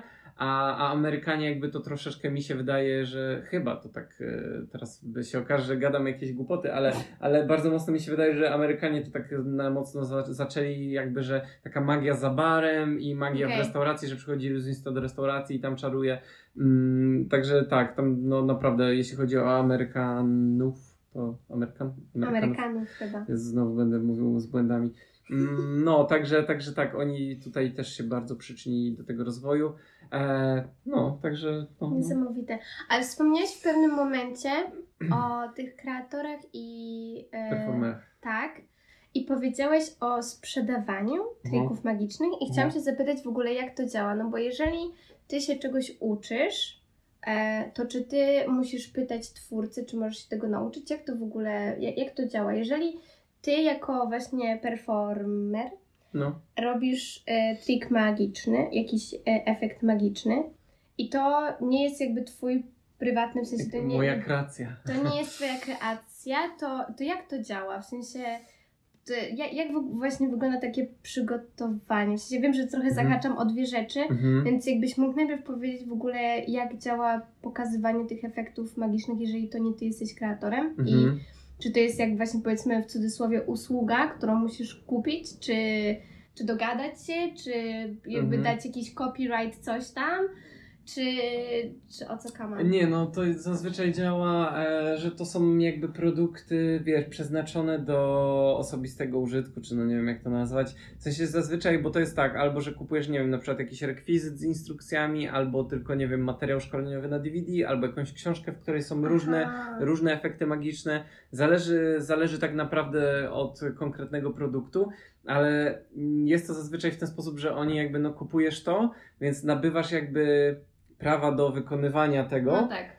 Aczkolwiek, jakby wiesz, mm, i, i to, to jest też taka debata, że na którą jakby ja ze swoimi kuplami magikami też często przywołujemy, że dla nas książki mają wyższość nad materiałem wideo, bo kiedy uczysz się, nie wiem, czegoś nowego, jakiegoś efektu magicznego z y, materiału wideo, to mimo wszystko y, podświadomie nawet, wiesz, jakby trochę naśladujesz te ruchy i dokładne Tak. sekwencje, które robisz robi e, ten. kopiuj wklej choreografię. No, powiedzmy, nie? W sensie czasami możesz mieć jakiś pomysł i sobie od razu tam zmienić, ale raczej podświadomie nawet wiesz, tak kopiujesz trochę, nie? Część rzeczy. Tak. Natomiast jak czytasz książkę, no to masz opisane jak to działa, ale dużą część pracy jakby musi twoja wyobraźnia wykonać, żeby, Okej. żeby zaplanować jak to będzie, wiesz, wyglądało rzeczy w rzeczywistości, że ty masz tylko podaną taką recepturę, ale musisz, wiesz, jakby samemu ją sprawdzić i Mhm. zaplanować, jak to będzie wyglądać, więc nie jest to aż takie łatwe, jak wiesz, wziąć sobie e, film i ten. Oczywiście nie mówię, że to, co jest e, zawsze w formie filmowej jest łatwe, bo czasami to są techniki, przy których, nie wiem, palce sobie można połamać i gdzie trzeba, wiesz, też włożyć na przykład kilka lat e, ćwiczenia jed, Okej. jednej rzeczy, ale, ale po prostu, wiesz, jakby mm, myślę, że czytając książki, te efekty magiczne stają się trochę bardziej twoje w pewien sposób, tak. bo, bo większą część siebie angażujesz, żeby to przedstawić potem, nie?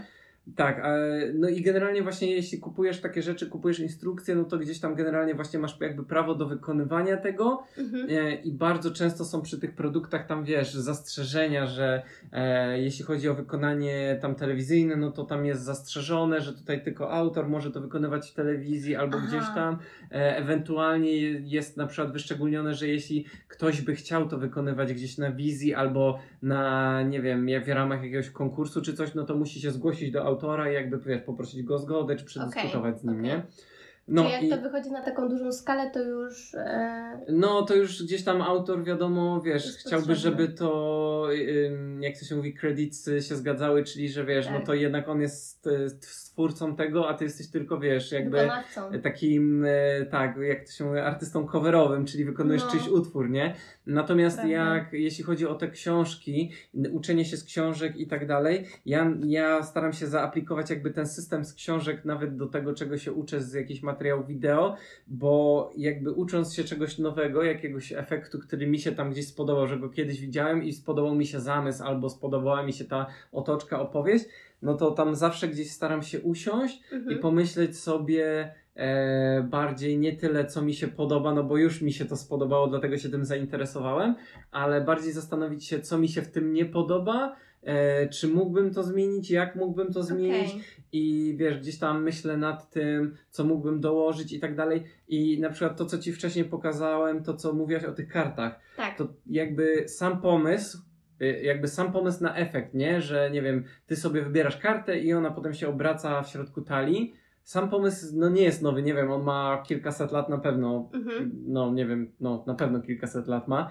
Aczkolwiek jakby w tej wersji to, to jak ja ci to pokazałem, że zrobiłem najpierw tam jedną rzecz, Rzecz, potem potem drugą rzecz, rzecz potem trzecią. rzecz, to jakby to był mój pomysł połączony z tego, że ja kiedyś czytałem w jakiejś książce o tym, potem widziałem jak gościu uczył na jakimś materiale filmowym tego, potem gdzieś tam czytałem o tym i potem jeszcze siedziałem kilka godzin z kartami i się zastanawiałem jak zrobić to, żeby to połączyć z tym i tak, Tak. dalej. Więc to jest wiesz takie właśnie trochę jak budowanie z klocków Lego, że Tak. ja mam kilka elementów, zastanawiam się jak je połączyć, może coś dołożyć od siebie, więc może stworzę jakiś nowy klocek zupełnie. No, czaję. I, I wiesz, i tak naprawdę to, co ci pokazałem, to jest jakiś mój pomysł, gdzie, gdzie ja wzi- trzy różne gdzie wziąłem różne magiczne. rzeczy, różne, Okej. nawet więcej niż trzy, bo, bo ten efekt jakby on miał takie trzy swoje fazy, gdzie coś zrobiłaś świadomie, potem zrobiłaś coś intuicyjnie, a potem zrobiłaś w sposób niemożliwy. I ja tam na, na przykład, wiesz, to są trzy fazy jakby jednego efektu, Tak. że coraz bardziej on jest niemożliwy, To prawda. a ale, ale mimo wszystko tam, wiesz, mimo że są trzy fazy, to się składa na to o wiele więcej Okej, elementów To jest jakichś taka technik. kostka Rubika po To prostu. jest, to jest miszmasz wielu, bardzo, bardzo wielu różnych rzeczy. Więc generalnie do, do czego zmierzam, że Tak. jeśli chodzi o te metody, to ja generalnie kombinuję, bo też nie chcę być o, całe życie odtwórcą, że mi zależy, żeby wiesz, stworzyć jakieś swoje rzeczy, Mhm. żeby zmodyfikować i przez to ta magia, którą prezentuję jest też, wiesz, oryginalna i ludzie... bo dużo jest takich magików, którzy robią, wiesz, po prostu to, co inni robią, bo to się Tak. sprawdza i to działa, nie? Mhm. Natomiast ja chcę trochę, wiesz, Wyciąganie królika z kapelusza. no, to jest już, wiesz, takie co klepane, że masakra. W każdym razie ten, e, ja staram się eksperymentować, żeby ta magia, którą ja robię, też była oryginalna dla mnie i żeby, Tak. wiesz, żeby ludzie nie byli w stanie zobaczyć tego gdzie, indziej. indziej, nie? Mhm. Że o, widzieliśmy też kiedyś magika, który coś tam, coś tam, coś tam. No, ale ja staram się zawsze podejść do tego w ten sposób, że chcę, żeby oni pamiętali, że ja zrobiłem to właśnie, wiesz, w taki, nie inny sposób i tak Mhm. dalej.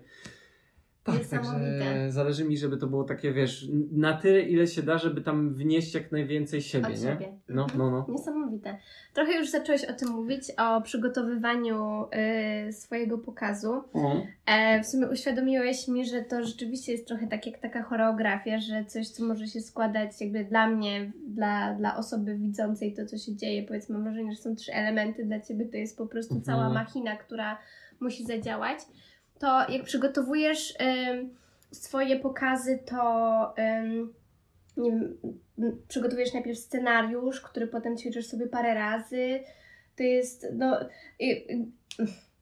Zaczynam coraz bardziej widzieć połączenie, połączenie takie, taką powiedzmy analogię, jak masz no, występ baletowy Mhm, na mhm. przykład, że to są po pierwsze lata ćwiczeń tego, że stoisz przy drążku i pracujesz stopą No. samą, żeby wiedzieć jak ona ma No. funkcjonować dalej i potem wykorzystujesz ten element w danym ruchu, Mhm. a ten ruch jest po prostu, wiesz, y, jakby jedną cząstką całej choreografii, a ca- Mhm. ta jedna choreografia twoja to jest y, powiedzmy jeden element całego spektaklu. Mhm. Także jak to działa?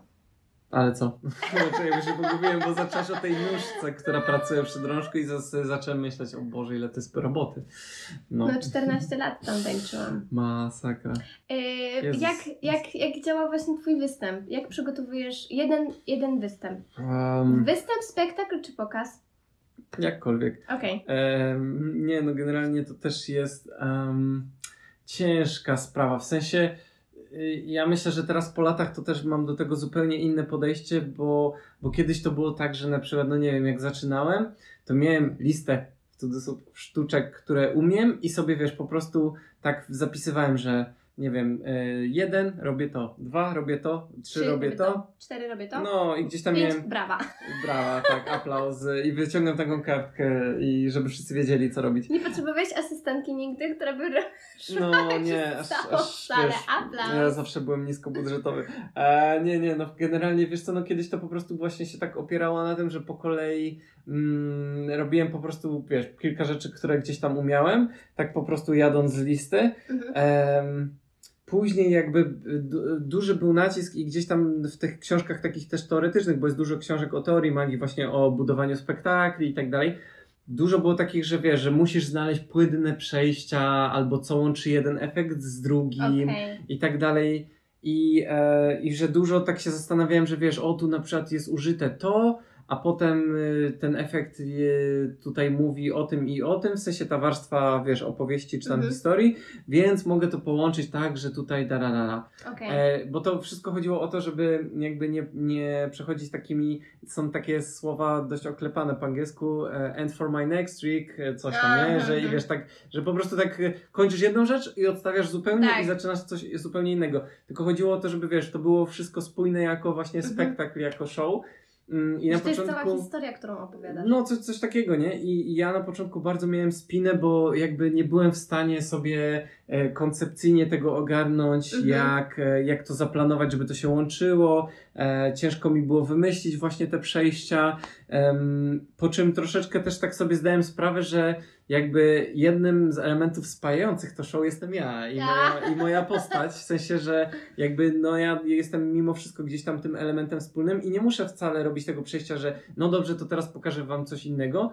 Mogę tak zrobić, ale mogę też zrobić trochę inaczej, a mogę po prostu, wiesz, jakby pokazać jedną rzecz i delikatnie do, do niej nawiązać, że to jest jakby, to nie, nie ma tak sztywno określonych reguł, nie? Mhm, W sensie okej. też myślę, że e, pokazy magiczne się cechują tym, że tam jest duża doza dowolności, bo, bo niektóre rzeczy, nie wiem, działają na zasadzie, że mówisz, o, nie wiem, zróbmy eksperyment, nie? Który tam Tak. no, prawie na 100% się powiedzie, nie? Ale ci, Tak. e, no w każdym razie, że robisz takie trochę, wiesz, to jest częściowo jakby spektakl, że trochę tam odgrywasz coś, ale dużo o, dzieje się, jakby jest partycypacji widza i takiej Mhm. interakcji, więc tak naprawdę to jest taki, no nie wiem, no performance to jedyne, co mi przychodzi do głowy, bo to nie jest ani, ani teatrzyk, że ty coś Nie. odgrywasz, e, ani też nie jest właśnie jakaś tam inna forma, no ciężko to ubrać słowa, ale generalnie, że jest to bardzo elastyczne i możesz to zrobić tak na maksa po swojemu, Tak. E, I moje nastawienie też uległo zmianie, nie wiem, w jakichś ostatnich trzech czy czterech latach, że, że kiedyś właśnie bardzo się spinałem, żeby ten pokaz był taki, wiesz, że ten efekt musi przejść tak, tak, tak, y, zadziałać w określony sposób. A teraz jadę z takim nastawieniem, że mam taki, wiesz, zarys, szkielet Mhm. jakby i moim głównym celem to jest wyjść przed tych ludzi, e, dać im mega dobry czas, Mhm. generalnie starać się jeszcze bardziej interaktywnie podejść, że jakby korzystać z tego na przykład, co oni mówią i wiesz, tak spontanicznie odpowiadać na to, co tam wiesz, Tak. leci z tłumu Tak. i jeszcze tą interakcję wynieść na wyższy poziom, ale żeby być właśnie, wiesz, z nimi w tym konkretnym momencie, żeby Mhm. oni mieli właśnie to poczucie, że to jest wyjątkowe, bo to się To będzie jest działo, ty, że, że, ale że wiesz, że to się będzie działo tylko raz, tylko, Tak. tylko To tu i jest ten, teraz. ten moment. To jest ten już moment. Za pięć tak, minut będzie coś innego, albo w ogóle nie będzie i minie. No, dokładnie, dokładnie, więc, więc ja chcę dać im taką unikatowość i taką, wiesz, energię i takie poczucie, żeby po prostu czuli się dobrze, nie? Że spędzamy czas w jakiś ciekawy, intrygujący sposób, Tak. ale że spędzamy go tak miło, no i jest fajnie i tak dalej i no delikatnie, zabawnie, ale ja tam się nie uważam za jakiegoś komika, nie? Czy coś, tylko, że po prostu jest delikatnie w takim lekkim humorze wszystko Mhm. podane. To nie jest takie sztywne. Więc tak, proszę tak, Państwa, tak. teraz proszę, proszę podać jakąś kartę. No, znaczy są też, wiesz, tacy iluzjoniści, którzy bardzo poważnie występują i, i wiesz, i nawet, wiesz, odgrywają takie role, że są, nie wiem, jak telepata i przewidują przyszłość i tam odczytują myśli i, i mają, wiesz, taką postać, która ten, i ludzie na to przychodzą, bo to jest, wiesz, jak, jakaś też fajna forma show, Tak. ale to, wiesz, jakby ja już dawno ustaliłem, że to dla mnie nie działa i, No. i ja nie chcę tego w taki sposób serwować, więc, yy, więc teraz skupiam się na tym, że mam gdzieś tam szkielet, że wiem, co Mhm. chcę, żeby się zadziało, jakieś tam magiczne rzeczy, które mają się zadziać, mam z tyłu głowy, a tak po prostu to jadę i wiesz, żeby mieć e, z tymi Fan. ludźmi fan. No naprawdę, to jest tak, Super. wiesz... A ile Ci zajmuje przygotowanie w takim razie? Teraz. Teraz to jest tak, że pójdę do domu i wiesz, wrzucę tam, nie wiem, kilka rzeczy do walizki i ten, bo ja też... Masz trzeba- swój koneser magiczny? Koneser czy neseser? Neses. Ja jestem bardzo koneserem neseserów. Ja To niestety bez słowa. Wczoraj powiedziałam luz. mojej przyjaciółce, że jest to trudny kawałek chleba do zgryzienia. A mówi się trudny orzech do O, zgryzienia. okej, ale to mi się też tam czasami zdarza. no także- więc koneser, neseser to... Nieważne, nieważne, Wi- wiemy o co chodzi. Tak. Em, no mam taki neseserek, ale generalnie właśnie, bo tu muszę w tym miejscu podkreślić, że też moje show jest jakby takie bardzo minimalistyczne, że ja tak naprawdę też nie wożę ze sobą jakichś wielkich skrzyń, nie wiadomo czego, nie tam... Mhm. Nie przycinasz E, nie pół. przecinam nikogo na pół, sorry. E, no w każdym razie, że nie mam jakichś wielkich rzeczy, tylko przychodzę z taką walizeczką, no i jakby z tego e, robię show, jak to mówią właśnie po angielsku też iluzjoniści, pack small, place big, nie? Że wiesz, pakujesz, że jesteś takim minimalistą, jeśli chodzi o jakieś tam użycie rekwizytów i tak dalej, a, a no, ale efekt końcowy jest jakby taki dość e, duży, nie? Mhm. I ja też to postrzegam w ten sposób, że ja właśnie nie chcę, nie chcę używać jakichś specjalnych skrzyń, specjalnych wielkich rekwizytów, nie wiadomo czego, jakichś maszyn do teleportacji, tylko bardziej, e, bardziej przedmiotów codziennego użytku, jak nie wiem, karty, kostki Rubika, ewentualnie jakiś sznur, nie wiem co tam jeszcze, jakieś warzywa, owoce, różne takie rzeczy. Mm. Generalnie, generalnie rzeczy, które każdy gdzieś tam kiedyś widział, a nie, Tak. że wiesz, że jakaś e, skrzy, Machina, skrzynia w teleport. kształcie sześcianu, obita jakimiś cekinami i ty myślisz w ogóle what the fuck, co to jest, nie? I, Teleport. I, i, I jakby wiesz, takie coś wjeżdża na scenę i ty tak sobie myślisz na pewno, o nie, to jest totalnie zwykła skrzynia, na pewno tam nic nie ma Mm. ukrytego, żadnych zapadni, nie, no to, to na pewno jest zwykła skrzynia. To, Tak. Takie Ale wszystko dzieją. jest tam normalne, nawet I luster tam nie ma. Nawet luster, nic, nic zupełnie tam nie ma. Nie no, oczywiście mamy bekę, Zaintrygowałeś mnie ale owocami. owocami. No, e, ci, którzy widzieli mój pokaz, wiedzą już o co chodzi. A, także, no, tak, nie, śmiesznie, przepraszam, bo teraz się zdekoncentrowałem, ale... Przepraszam, bo ja po prostu, mam wiesz, te owoce w głowie i zastanawiam się, co ci Bo w mojej firmie kultywujemy owocowe czwartki, od tego się wszystko zaczęło i ja po prostu e, lubię rozdawać owoce na swoich pokazach. E, That's very także nice. jest miło. No. A czasami jak e, jest troszeczkę mniejszy pokaz, to, to nie rozdaję owoców, tylko jem owoce na przykład w ramach pokazu, także to jest, to jest w ogóle śmiesznie. Ale to też doszedłem do takiego momentu, że wiesz, w sensie jakby mam trochę, no nie, że chciałem powiedzieć wywalone, ale nie mam wywalone, bo zależy mi nadal, No tylko, że po prostu już tak się jakby mniej przejmuję i w sensie mam takie, że jakby hej, to jest mój pokaz, mogę tam zrobić Robić, co tak chcesz. naprawdę co, co chcę, e, więc jem sobie owoce na przykład i jest śmiesznie. Ale to prawda, ja mam wrażenie, że w ogóle jak ludzie zaczynają z czymś swoim, mówię czymś swoim ogólnie, Mhm. e, to mają taką presję na początku. E, Mhm. Jak to ma wyglądać, że w ogóle to musi być tak, tak, tak i tak, że to nie może, że to musi być idealnie w ramki, nie może być Mhm. za, za bardzo, w sensie milimetr po prostu wystaje, o nie, nie, nie, to trzeba przyciąć. Źle, w takim no. razie już jest źle, już jest masakra. I ja na przykład też to trochę widzę po tym, jak e, zaczynałam, wiesz, moje pierwsze edycje podcastu, gdzie siedziałam Mhm. po 6, 8, 10 godzin no. nad jednym, to było nawet 40 minut, to było nic. Nie, no, Teraz wiem też jak zaczynałem Wie, to. no, właśnie, zrobiłeś dokładnie to Trwało, samo, no to, trwało. bo wszystkie, bo wycinałam wszystkie fragmenty, które mi się nie, że nie podobały, które po prostu były jakieś tam coś tam, żeby dźwięk był po prostu biały, a teraz jak na to patrzę i sobie tego słucham i, i słucham sobie tego i, i widzę, że to jest fajna rozmowa i, i sympatyczna i nie muszę wyciąć tego momentu, kiedy się gdzieś pomyliłam, Mm. albo już, bo ten moment, kiedy ktoś się... Koneser. No, Tak, to będzie, to Mhm. będzie, to będzie później highlight. powiedziane. no. Eee, bo chciałam coś, coś do, dodać od siebie, ale to dodam na końcu. Okej. E, w każdym razie, no już nie mam takiej presji po Ograniczeń prostu, jakby. ani ograniczeń. No, albo... ale to jest najlepsze właśnie, nie? Że jakby to są, że jakby no nikt by inny tego nie wymagał, ale że to ty Nie. sobie gdzieś tam narzucisz Tak, no bo i... jesteś, twój no, krytyk wewnętrzny jest to jest najgorszy, najgorszy, no. i najgłośniejszy i najbardziej wymagający. Tak, że okazuje się, że tak ludzie to naprawdę mają to, nie że gdzieś, ale że i, i, ich to nie mniej, to ich to mniej obchodzi, tak. Raz że... powiedzmy, przyszłam do pracy i miałam, na sto- miałam warkoczyki i wiedziałam, że jeden jest przesunięty bardziej jakby w stronę ucha, a drugi mniej. I wiesz, mnie to, mnie to triggerowało, bo ja wiedziałam, że one są krzywo i powiedziałam właśnie do kolegi z pracy, do Filipa, że hej, Hmm. czy, czy te warkoczyki są krzywo? A on tak na mnie patrzy i ja zaczynam mu tłumaczyć, nie widzisz, że są krzywo, przecież one są krzywo, krzywo je zrobiłam, źle to wygląda, a on mówi, nie widziałem tego w ogóle, dopóki mi o tym nie powiedziałeś. Nawet teraz za bardzo nie widzę, Hmm. bo, bo to nie jest aż tak widoczne. A ja wiesz, a ja po prostu miałam No, no, no. sieczkę z mózgu. no I tak. ludzie nie myślą o takich rzeczach, więc jakby wolność Tomku w swoim domku. Wow, nice, wow, tego się spodziewałem, ale jak tu wjechał taki cytat no gruby. E, tak, tak. Jeżeli nie, no- chodzi o twój biznes, oczywiście. Tak, tak, tak. Nie, no jakby tak, no bo to taka w- sensie, No. że y, u mnie to jest forma artystyczna, ale fakt, faktem jest tak, jak ty mówisz, że jakby, no może nie każdy, bo mi się wydaje, że nawet jeśli nie jesteśmy, my, w sensie nasza dwójka, Tak. nie, jeśli nawet nie jesteśmy perfekcjonistami, to i tak bardzo nam zależy, o Tak. po prostu, nie? Żeby, żeby coś było, wiesz, jak najlepiej, jak najten, ale, że, ale wydaje mi się też, że się ja i ty pewnie, no, że się tak często zajeżdżamy właśnie przywiązując się trochę za mocno do takich pierdół, które tak, Tak. naprawdę Nie mają znaczenia. nie mają znaczenia.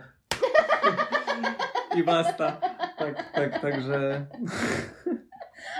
Sprawiłeś teraz. Przepraszam. Nic nie No. szkodzi. Ale wracając do pytań, bo muszę się ciebie zapytać jeszcze o coś. no. To jest, y, wspominaliśmy już trochę o tym, ale y, co jest dla ciebie ważniejsze?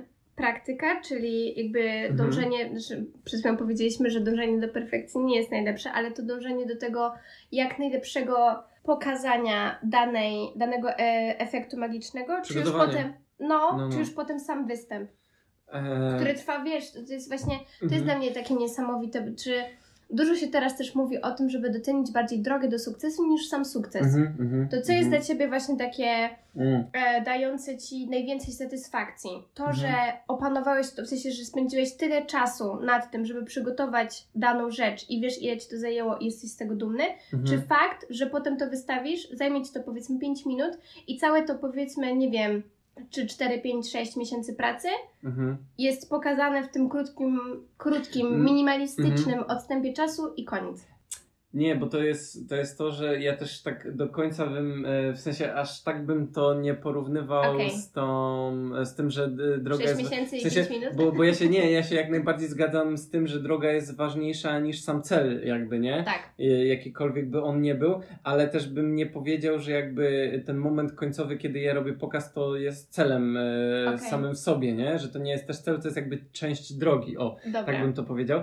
I To w takim razie co jest celem? Mm, Celem, ja jakby staram się, znaczy nie, nie powiem, że nie mieć celu, ale jakby właśnie ja się skupiam na tym, żeby mieć jakby wiesz, jak najwięcej e, pokazów, które po prostu Mhm. będą gdzieś tam wiesz, fajne i no, ja, po, ja po prostu, no, nie, nie, nie wiem wiesz, gdzie się to skończy. Ja, ja nie myślę o czymś takim, że nie wiem, chciałbym Że ta kiedyś... droga ma koniec. E, tak, nie, nie, nie, znaczy no, no kiedyś na pewno ma, e, jak już tak mrocznie tutaj możemy wjechać, ale, ale może lepiej nie. W każdym razie chodzi mi o to, że jakby nie myślę nad tym końcem, że właśnie mi zależy na tym, żeby robić jak najlepszą robotę, jak najlepiej umiem i zdobywać tam jakieś nowe zlecenia, Mhm. a, a że nie mam takiego konkretnego celu, że nie wiem, na przykład kiedyś chcę, nie wiem, mieć swój program w telewizji jako magik, albo że nie wiem, chcę Okej. chcę występować gdzieś tam na Broadwayu ze swoim pokazem iluzjonistycznym, albo nie wiem, jakieś takie, wiesz, w sensie to są spoko jakieś tam górnolotne Mhm. cele, marzenia i tak dalej, Yy, ale jak, jak dla mnie, ja właśnie zdałem sobie sprawę już tam, nie wiem, parę lat temu, że mi właśnie najwięcej radości daje, wiesz, takie po prostu to, że jestem z ludźmi gdzieś tam no. na jakimś wydarzeniu, e, które dla nich jest gdzieś tam też specjalne i że mogę, wiesz, dołożyć Ważne. cegiełkę do tego właśnie, że część z nich zapamięta to wydarzenie na jeszcze dłużej, nie? Mhm. Nie wiem, czy do końca życia, ale na pewno na, wiesz, na ileś Że więcej będą o lat. tym opowiadać. Że będą o tym opowiadać i będą, wiesz, o tym, w sensie mi nie zależy, żeby tylko, wiesz, wspominali, że o, był tam magik i robił fajne sztuczki, żeby generalnie wspominali to wydarzenie, żeby, wiesz, Tak. jakby to, co ja robię, rozlało się jakby Na na, całość. na całość tego wydarzenia, żeby Mhm. oni je wspominali ogólnie jako coś pozytywnego w ich życiu. No. Taki, wiesz, taki bardzo dobry moment, gdzie gdzieś tam y, siedzi w ich sercu. I, Mhm. Nice. I no, no, i to jest, wiesz, dla mnie w sensie takie, no miałem kilka takich, wiesz, wow, e, przebłysków, e, wiesz, w życiu. I, I to jest to, że ja właśnie nie chcę, nie zależy mi na, nie wiem, na jakiejś tam, nie wiadomo, turbo, jakiejś karierze czy coś. W sensie, Mhm. dla mnie na, najszczęśliwsze byłoby to, gdybym mógł godnie żyć w tym kraju, robiąc to, co robię. E, wiesz, po prostu zarabiając tam jakieś normalne pieniądze, ale wiesz, jakaś tam, no nie wiem, nawet średnia krajowa czy coś, nie, nie, nie, nie, mu- nie muszę zarabiać kokosów, nie? Chciałbym Mhm. po prostu, wiesz, nie martwić się, że, nie wiem, będę miał co jeść i tak dalej. No, no, to, wiesz, w sensie, wiesz, żyć na jakimś takim zwykłym, godnym poziomie i tak dalej, nie być jakimś super hiperbogolem i robić to, co uwielbiam robić, Tak. czyli, czyli pokazywać ludziom magię. No, ale wracając do tego, co jest ważniejsze, e, czy jakby samo to ćwiczenie, przygotowanie, Mhm. czy, czy, sama, e, czy samo wystąpienie, No, to to jest to, w czym się zgadzają wszyscy profesjonaliści, że jakby przygotowanie takie przed jest mega ważne. Jakby ważne jest to, żebyś nie, że się nauczysz jakiegoś triku i nie wiem, go przećwiczysz jeden raz i wybiegniesz go ludziom pokazywać, bo to No. z pewnością nie będzie dobrze przygotowane. Ja niektóre numery szykuję, wiesz, tam rok, dwa lata, zanim będę w stanie, wiesz, zdecydować, Pokazać że je. jestem gotowy, żeby go gdzieś pokazać publicznie. mhm. A są też rzeczy, no, które troszeczkę szybciej, ale no to jest kwestia jakby twojej oceny, kiedy, kiedy to jest już gotowe, żeby pokazać publicznie, Mhm. e, ale możesz się przygotować na maksa dobrze, wiesz, przy, w teorii, wiesz, u siebie w zaciszu domowym, Tak. ale tak naprawdę, wiesz, pokaz na żywo to jest to, co uczy cię, wiesz, 90% Wiadomo. rzeczy, że możesz, wiesz, być perfekcyjnie przygotowana, a i tak zawsze coś się wywali na Mhm. głupi ryj, jak to, e, jak to mawia jeden mój kolega. E, także, także tak naprawdę, wiesz, to starcie z rzeczywistością, te wystąpienia na żywo uczą cię najwięcej, Tak. nie? Że jakby ten czas, te godziny, dni, tygodnie, miesiące, lata spę- spędzone, spędzone w zaciszu domowym są turbo istotne i bez nich no jakby no nie było szans, żeby wy- wystąpić. ale jakby najwięcej jednak y, tej wiedzy i y, ten wyciągasz z praktyki, nie? Czyli kiedy Tak. tes- testujesz to, co szykowałaś tam w zaciszu domowym, kiedy to testujesz, czy to działa w rzeczywistości z prawdziwymi, oddychającymi ludźmi, nie? To jest to, True. to jest to. To Więc, jest w y- ogóle, wiecie, to też jest takie niesamowite dla mnie, bo prawda jest taka, że czasami jak, wiesz, przygotowujesz sobie coś w danych warunkach, to te warunki będą zupełnie inne później. Mhm, mhm. I e, zawsze mnie to na przykład e, rozbawiało, jak w liceum rozwiązywaliśmy zadania z chemii. I zawsze, że zawsze, zazwyczaj było zaznaczone, że na przykład w warunkach normalnych albo w warunkach Mhm, laboratoryjnych i tak dalej. I prawda jest taka, że nie wiesz, jak dana rzecz się zachowa w zupełnie innych warunkach, powiedzmy. No, no, I to jest w ogóle. E, no i to jest dla mnie ciekawe. Ja pamiętam, że na przykład mm, y, miałam w tym roku korepetycję, prowadziłam korepetycję z chemii. Mhm. I na moich zajęciach gościu potrafił wszystko zrozumieć. Kiedyś chyba o tym Mhm. gadaliśmy. Mhm, I mhm. potem przynosił mi sprawdzian, na którym no, nie było wystarczająco dużo punktów. Mhm. I ja mówię, ja się pytam, co się dzieje. No. Przeglądamy ten sprawdzian i widzę, wiesz, nie wiem, takie błędy, mm, nie chcę powiedzieć, że głupie, ale takie No wiem, nieuwagę, niepotrzebne. niepotrzebne. Mhm. E, Na, nie wiem, źle przesunięty przecinek, inna jednostka i tak dalej. I, no i pamiętam, że rozmawialiśmy o tym i właśnie ten mój uczeń powiedział, że, że jak tu robimy, wszystko jest wtedy, że on widzi te połączenia, Mhm, że on mhm. wie, co, co się z Rozumiem czego jakby. bierze Mhm. i tak dalej. Ale potem na sprawdzianie to po prostu jest jedna Mhm. wielka sieczka z mózgu. Mhm. I ja pamiętam, że e, na przykład jak uczyłam się do inżynierki, to chodziłam sobie po całym mieszkaniu wykładając o tym, jaka jest alkacymetria i coś tam, coś tam, i, a w Mhm. ogóle jakie mamy zbiorniki na ciecze, czy są takie, czy takie, czy coś tam, no, no różne rzeczy Mhm. po prostu, a potem przyszłam na egzamin i jak pani mi zada jakieś pytanie, które gdzieś tam niby wiedziałam, ale miałam powiedzmy sklecić zdanie na ten temat, no to już wiesz, było dukanie, nie? Mhm. Mhm. I to tak zawsze jest, że w momencie, w sensie, że z jednej strony ta praktyka, praktyka czyni mistrza Mhm. E, i ona jest mega ważna, bo im lepiej się przygotujesz w domu, tym bardziej będziesz przygotowany na najróżniejsze warunki. Mhm. Chociażby to, że nie wiem, podczas twojego występu piorun strzeli i wszyscy się przestraszą, nagle ktoś wybiegnie, zostawiłem samochód i Icha. coś tam i no i radź sobie teraz No. z takimi rzeczami. Yy, Wybiegając yy, w przyszłość, to ja mam tutaj teraz, odbieram taką wizję, poczekaj, bo fale się nakładają. Mm, odbieram taką wizję, że chcesz mnie niebawem spytać e, o to, e, czy, czy zdarza mi się pomylić na pokazach albo jakieś robić błędy. Taką mam wizję. Czy chciałaś przypadkiem o to spytać może? Tak, dokładnie. Spojrzałeś E, mi w zeszyt? Nie, wcale nie, to nie było to. To, to była wizja telepatyczna. Zdecydowanie. E, czy tam widzenie pozazmysłowe, coś takiego. E, w każdym razie nie, bo to tak mi się bardzo ładnie zazębia z tym Tak. pytaniem o to przygotowanie, że jakby rzeczywistość weryfikuje jakby Totalnie. najbardziej. Mm, To ja myślę, że mi też dużo dało to, że nie wiem, gdzieś tam od tych kilku lat też e, od momentu jak dostałem od e, moje, mojego jednego kumpla tą książkę Daily Stoic i zacząłem się jakby interesować trochę tam filozofią stoicką, Mhm. to, to, że to mi bardzo tak pozmieniało myślenie, że jakby, nie wiem, jednym z takich podstawowych założeń e, szkoły stoickiej to jest to, że jakby, no, musisz oduczyć się przejmować rzeczami, na które nie masz wpływu, Tak. nie? Jakby, że jakby ty masz tylko wpływ na swoje myśli i swoje reakcje na to, co się dzieje, Tak. ale że no jakby jakieś tam zewnętrzne rzeczy, no to, no, no nie wiem, na, na, na przykład na ludzi jakieś, z którymi masz interakcję, no to może pośredni wpływ jakiś masz, ale Tak. ostatecznie to od nich zależy, co oni zrobią. Tak, jak No, odbiorą to, co e, mówisz. jak odbiorą. Jeśli chodzi o świat zewnętrzny, nie wiem, pogodę i tak dalej, no to totalnie nie masz wpływu, co, Nie. co będzie za ten. Więc y, jakby, no, że szybko musisz się nauczyć, że no nie możesz się tym przejmować, bo po prostu szkoda jakby Czasu. twoich cza, czasu, nerwów i wszystkiego, nie? Energii. I, I że lepiej się skoncentrować na tym właśnie, wiesz, jakie ja mam w stosunku do tego ucz- uczucia i tak dalej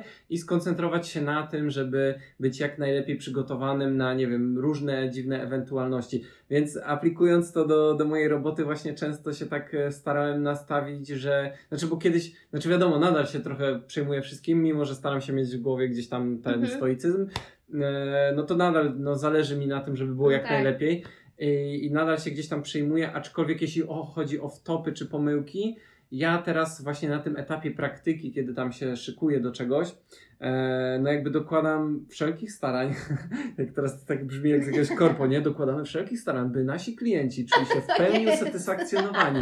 Satysfakcja naszego klienta jest gwarantem. Nie, dobra. W każdym razie, e, no, że ja staram się jakby, wiecie, mieć wszystko przygotowane e, jak najlepiej. No nie powiem, że w 100%, bo to nigdy się nie dojdzie do perfekcjonizmu, ale staram się zrobić tyle, ile mogę. Tak. Em, no a tak naprawdę rzeczywistość wszystko zweryfikuje i staram się też właśnie nie przejmować aż tak mocno tym, że się coś stanie właśnie nie z mojej winy, nie? Tak. Ja jakby się staram zabezpieczyć wszystkie możliwości, które się mogłyby wydarzyć hipotetycznie, ale wi- zamknęli swoje okna w samochodach. no, ale, ale wiadomo, że wszystkiego nie przewidzę, nie? Jakby, że No tak. no wiadomo, więc, więc staram się na takie sytuacje po prostu nastawić w ten sposób, że Mhm. nie wiem, przyjąć je z jakimś tam spokojem e, i starać się myśleć tak na chłodno, na trzeźwo, właśnie Tak. z takim stoickim spojrzeniem.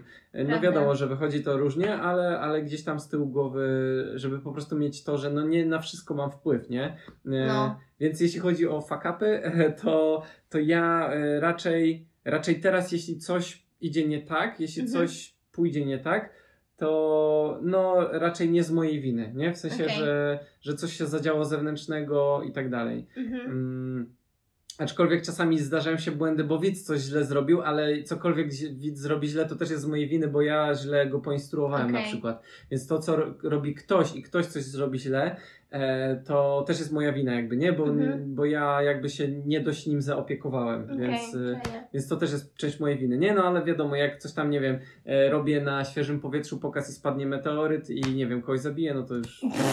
Nie no, odpukać, e, mam nadzieję, że takie coś się nie stanie.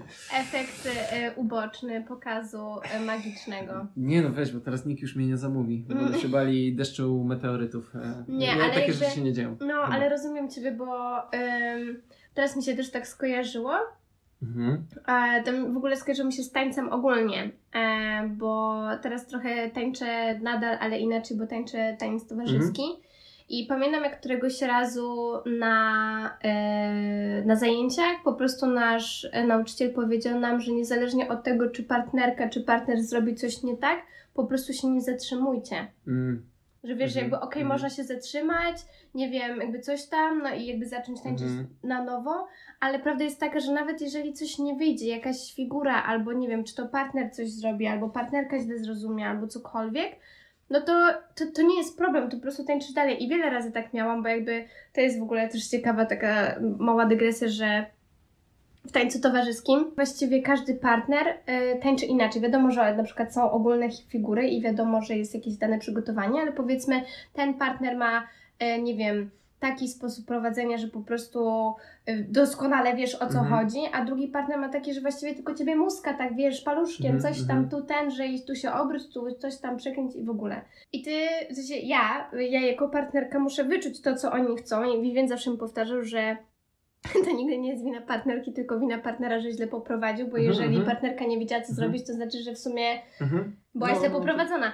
Ale e, pamiętam, że e, właśnie te takie moje pierwsze jakieś e, tam, czy właśnie wieczorki taneczne, czy coś tam, no to ja miałam mega stresa, że się pomylę albo coś tam i oczywiście za każdym razem przepraszałam, a ktoś mi któregoś razu właśnie em, jeden, jeden z gości, z którym tańczyłam, powiedział mi, że nie przejmuj się, my tu po prostu jesteśmy dla dobrej zabawy Mm. i tańczymy dalej Mhm. i to, że na przykład, nie wiem, tu nie zrobiłaś tego, to zaraz zrobisz coś innego, albo No. mogę Ciebie nauczyć i wiesz, i cała ta presja zeszła. Mhm, mhm. Życie idzie dalej. no. Życie idzie dalej. Także to jest, to jest, coś w tym jest po prostu, że mm, człowiek ma naturalną tendencję do przejmowania się albo nie. Mam wrażenie, że nie. Mm, Znaczy pewnie zależy kto, nie? Ale mi się wydaje, że tak, my jesteśmy po prostu z tego typu ludzi, Tak. że no. Ale rozmawialiśmy tak. trochę o em, w ogóle o pokazach i tak dalej. Powiedziałeś, że są takie, takie rzeczy, które zapadły Ci w pamięć, ale jest taki jeden, który zapadł Ci w pamięć najbardziej? Czy to właściwie każdy ma w sobie coś wyjątkowego i każdy się No. zapisuje w kalendarzu Ym, pięknych wydarzeń? O, mm, jak poetycko. Było wiele takich pokazów, które ja gdzieś tam wspominam, albo o których zapominam i potem sobie przypominam, co w ogóle też jest śmieszne. Mhm. Um, bo nie miałem jakiegoś takiego jednego pokazu, który byłby dla mnie, no nie wiem, jakiś taki właśnie outstanding, że w jakiś sposób Mhm. się wyróżnił. E, no, to Bardzo jakby... lubię słowo extraordinaire O, extraordinaire. francuskim, No czyli ekstra... Ekstra, ekstraordynaryjny. Nie, ordynarny. Nie, nie wiem, w sumie Właśnie ordynarny chyba to nie będzie Ordynarny nie, to brzmi ekstraordynaryjny może. Nie wiem, czy jest w ogóle słowniku języka polskiego. Tak. Extraordinary. W każdym razie, e, tak, nie, no było kilka takich momentów, kiedy e, jakby ja poczułem, że wydarzyła się magia, bo na przykład e, zadziało się coś takiego dziwnego, czego ja nie jestem w stanie wytłumaczyć. Ale nawet nie jestem w stanie teraz tego przytoczyć, e, tak dosłownie opisując konkretną sytuację, ale były takie momenty, że po prostu ja miałem takie, nie, no w sensie to się nie dzieje, No. Mm, ale były takie rzeczy I, i też ja bardzo często mam to, że właśnie nie to, to, to, co mówiliśmy na samym początku, nie, że przeżywam magię, ale że to jest bardzo, bardzo magiczne, że właśnie na przykład czasami mam, e, nie wiem, jak miałem w Warszawie, na przykład w Mariocie, tam jest taki skybar Tak, i tam miałem byłam kiedyś... tam. Tak? O, Mhm. no. To jest mega, mega urocze miejsce i właśnie to, to nie jest jakby, wiesz, problem, żeby tam się e, dostać, w sensie nie ujmując ci ani nic, ale nie, no Nie no generalnie... spoko. W sensie, spoko. że jakby to, to nie jest jakieś takie, wiesz, tajne To miejsce czy tak. coś, ale, ale że ten, ja tam występowałem kiedyś na jakichś urodzinach i tak sobie jakby stałem czekając na przygotowanie i patrzyłem właśnie na panoramę Warszawy tam e, już nocą i tak sobie myślałem, że jakby, że nie jestem... Jakby, że nie jestem tam jako gość, tylko że nie wiem, wręcz mam płacone za to, żeby tam być i coś robić z ludźmi, i że to dla mnie jest takie wow, że w sensie, e, że czasami, nie wiem, ta magia mnie doprowadziła w jakieś takie ciekawe miejsca, Mhm. gdzie normalnie bym się sam, samemu, tak jako z perspektywy takiego, nie wiem, turysty, gościa i tak dalej, bym Nigdy się się pewnie nie nie wybrał w ogóle, no. No. E, I w Poznaniu tak samo, nie wiem, przy, no już powołując się na ten przykład Skybarów, e, przed e, pandemią był tutaj w Bałtyku na ostatnim piętrze też taki Skybar, który nazywał się Musbar. Ja tam miałem okazję z nimi współpracować krótko i przy Mhm. jakichś kolacjach degustacyjnych i tak dalej. Um, no i to też dla mnie było takie niezwykłe, że jakby wow, w takiej prestiżowej miejscówce się znalazłem właśnie jako, jako jakiś tam, nie wiem, no że dokładam cegiełkę do tego prestiżu tego wydarzenia, nie? Jak, No. Jakkolwiek abstrakcyjnie to brzmi. Mm, No i to dla mnie było takie niesamowite, że, że faktycznie czasami znajduję się w różnych takich dziwnych, ciekawych miejscach. Z drugiej strony to jest też takie, takie surrealistyczne, że ja, i to też jeden taki magik, który w ogóle jest milionerem chyba już, Steve Cohen, on e, występuje w Nowym Jorku, Mhm. występuje w ogóle dla bo też takich bogatych ludzi, więc to, to też trochę tłumaczy, Tak. ale że on tłumaczył, kiedyś opowiadał taką historię, że on na przykład właśnie jednego dnia gdzieś tam leciał do rezydencji jakiegoś multimiliardera, żeby wystąpić dla jego rodziny, e, a następnego, aha, a następnego dnia na powrocie gdzieś już w Stanach spóźnił się na pociąg i na przykład e, spędził noc śpiąc na ławce na dworcu kolejowym e, i że to jest wiesz takie, Wow. takie dwa zderzenia w sensie takie mega No. kontrasty i ja sobie czasami myślę właśnie, że wiesz, że w jednym, jednego dnia jestem, wiesz, na jakimś turbo prestiżowym wydarzeniu, gdzie w ogóle, wiesz, wszyscy pod krawatami i tak dalej. Tak, Jest, jesteś jakby, masz kontakt z tym światem, nie wiem, tam bogactwa i nie wiadomo czego, tak. A, a kolejnego dnia jesteś takim prostym człowiekiem, który, wiesz, gdzieś tam Basi na kasę. śpi, na- no nie no, ba- o proszę cię, to jest zawsze miło, ale że wiesz, śpi tam na hamaku, czy żyje Tak. jak taki prosty człowiek, że wiesz o co chodzi, że jest takie zderzenie dwóch światów, No, i, I to jest dla mnie wow, takie w sensie, że możesz jakby zobaczyć, że jak idziesz żyje. na zakupy do Biedronki. O nie, o nie, no grubo, no nie przesadzajmy do Biedronki, gdzie tam, e, no, no, tam tylko Piotr, a nie, Piotr Paweł już nie istnieje. No, E, nie, no w każdym razie, że to jest, wiesz, zderzenie jakichś Tak. takich kilku światów i że masz e, jakby e, szansę zobaczyć, jak to wygląda z jednej strony, z drugiej Tak. strony, że takie różne warstwy społeczne i tak dalej, że to się wszystko tak, Tak. miesza, ale tak naprawdę wszyscy ale jesteśmy tacy Ciebie, sami, no. nie? To jest Że- niesamowite, no. że właśnie któregoś razu też, jak nagrywałam w sumie i inną rozmowę, też sobie uświadomiłam, że to, to akurat rozmawiałam z dziewczyną, rozmawiałyśmy trochę tak bardziej pod, pod nie będę za dużo zdradzać, w kontekście Mhm. językowym powiedzmy. Mhm. I ja nagle zrozumiałam wtedy, że fakt, że na przykład poszłam sobie do dwujęzycznej szkoły w wieku 13 lat, doprowadził mnie do tego, że wyjechałam na Erasmusa w wieku 20 lat. Mhm. Czaisz i że to jakby te 7 lat pracy powiedzmy, czy, czy czegoś tam, jakby doprowadziło mnie do czegoś takiego i że też niby zwykła dziewczynka No, chodząca, nie wiem, na studia na Politechnice, nagle wiesz, po prostu wyjeżdża no. i, czy tam światowa, ale że po prostu wiesz, że nagle No, no. się robi z tego coś, Coś więcej. że, te, że już nie jestem tak jakby taką zwykłą osobą, Mhm. że z jednej strony mam y, przyjaciółkę w Korei, Mhm. do której zakładam, że któregoś dnia pojadę i wiesz, Mhm. i super, pojadę sobie do Seulu i w ogóle, ale równocześnie, nie wiem, aktualnie pracuję jako kelnerka za barem. No, Wiesz, to masz jest- takie dwa światy. E, no, no. Nie, ale no to jest wow. To jest niesamowite no. po prostu, ty masz tak Fajne. samo. Tak, To tak. jest w ogóle to jest... ciekawe. Coś jeszcze chciałem mówić szybko o tym tym, ale wypadło mi chyba z głowy, więc... e, no, Mogę to przejść do kolejnego pytania? Tak, najwyżej mi się potem przypomni. to Pewnie. Ale rozmawialiśmy trochę w ogóle o ludziach, no bo siłą rzeczy występujesz przed ludźmi i... Dla ludzi, nie dla robotów, trzeba to zaznaczyć. Dla zwierząt też nie... em, no dobra, nie, Dla nie dzieci? brnijmy. No właśnie, nie chciałem tego mówić na głos. No dobra, nieważne. No. E, ale jak w ogóle ludzi- ludzie reagują na, na takie efekty magiczne?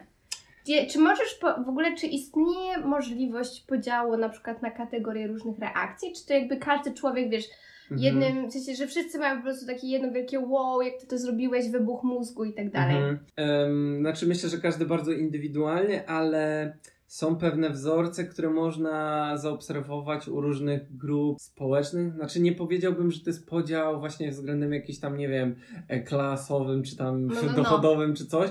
Bardziej... Wiekowym? E? Wiekowym? Wiekowy Nie. może też, ale um, najbardziej chyba widziałem różnicę, jeśli chodzi o e, różnicę w położeniu geograficznym. W sensie, O. że e, kulturowo wiesz, kto z jakich stron jest. Okej. Em, bo nie chcę nic uogólniać, bo oczywiście są wyjątki od reguły, ale na przykład, na przykład powiedziałbym, że ty jak na Polkę reagujesz tak dość żywiołowo, czy dość intensywnie, bo większość, y, to się co prawda też oczywiście zmienia i tak dalej. Ja i, jestem po prostu ekstrawertykiem emocjonalnym no, no, od, no może tak, nie? Może to też wynika z takich rzeczy, ale, ale że ty właśnie reagujesz tak bardzo ekspresyjnie tak. i, i to są jakby... Wyrażam, co myślę. I to, są, I to są dla mnie super, wiesz, reakcje, bo one są widoczne, tak. ale są ludzie, którzy, po których na przykład nie widać, żeby cokolwiek się wydarzyło, w sensie ja coś robię, a oni mówią na przykład wow, albo tak wiesz, w ogóle są prawie bez emocji, ale potem jak na przykład z nimi rozmawiam, to oni na przykład mi dziękują, bo mówią, że nie wiem, przeżyli coś, czego wcześniej w Tak. ogóle nigdy w życiu nie doświadczyli. I ty się zastanawiasz, jak to się stało, skoro przed skoro- widziałeś ich z kamienną twarzą. Tak, i w sensie, że wiesz, oni to po prostu przeżywają w środku i na swój może jakby inny, indywidualny sposób, Mhm. ale mimo wszystko gdzieś tam ich to, no o, ja to mówię, że wiesz, że magia e, niektórych dotyka bardziej niż innych i te, na takim właśnie, nie wiem, poziomie gdzieś emocjonalnym, Tak, tylko nie wszyscy to wyrażają jakby na zewnątrz, tak. ale tak jak mówiłem właśnie, że ty to dość, tak dość ekspresyjnie, tak mam taką obserwację, która też się teraz zmieniła w ciągu lat, ale No. że w, w Polsce ludzie genera- generalnie na ogół reagują pozytywnie, ale tak właśnie dość powściągliwie i że większość to jest takie, no wow, fajnie i tam takie, Czy wiesz, skromne, sceptykami? skromne oklaski. Nie wiem, czy to do tego, że są sceptykami, czy po prostu, wiesz, się nie chcą tak uzewnętrzniać, Okej. ale taka, taki prosty przykład, że właśnie na przykład Amerykanie, którzy są, wiesz, bardziej tacy właśnie em, do innych ludzi, ekspresyjni, tak, że oni bardziej tak reagują ekspresyjnie, plus to w ogóle, to znaczy, nie, nie, nie chcę, żeby to zabrzmiało jakoś rasistowsko, ale w sensie, że są takie różnice, że na przykład y, jest amerykański iluzjonista David Blaine i on na przykład kręcił takie swoje programy magiczne w telewizji i było bardzo jasno też widać, że na przykład e, osoby o ciemnej karnacji, w sensie czarnoskóre, e, Mhm. reagowały w ogóle już tak do kwadratu ekspresyjnie, że No. oni na przykład, wiesz, jak on, jak on pokazywał, e, nawet widziałem kiedyś takiego TikToka, czy tam jakąś rolkę na Instagramie, że showing magic to i było e, to the white people i tam, nie wiem, e, pokazujesz, że tam, nie wiem, karta się zmienia i ci, i ci ta grupa białych ludzi stoi tam, mówi, well, well done i tam, Tak. that was very nice, a potem pokazujesz, nie wiem, właśnie grupie e, ciemnoskórych e, osób jakiejś tam ciemnej Mhm. karnacji, że karta się zmienia i oni w ogóle, wiesz, zaczynają krzyczeć, biegać i w ogóle, wiesz, że takie, w sensie to jest mega fajne, mega pozytywne, nie? Ale że Tak. jest taka różnica i ja nie wiem, w sensie mogę tylko tak, wiesz, domniemywać, że to być może się wywodzi jakoś kulturowo, że wiesz, oni, że oni jednak mimo wszystko, e, jakby wiesz, że mimo wszystko, nie wiem, gdzieś tam e, mają korzenie w Afryce, nie? Gdzieś tam No tak. powiedzmy i że tam ta kultura była bardziej nastawiona na takie rzeczy, że że wiesz, na taki szamanizm, że to było tak, Tak. bardziej rozwinięte i że dla nich, jak oni coś takiego widzą, wi- wiadomo, że oni też są racjonalnie y, myślącymi ludźmi, No ale że, że gdzieś tam, wiesz, w tym, no nie wiem, w ich DNA, czy tam, wiesz, w tym, ta, ta ich przeszłość, że to im To daje...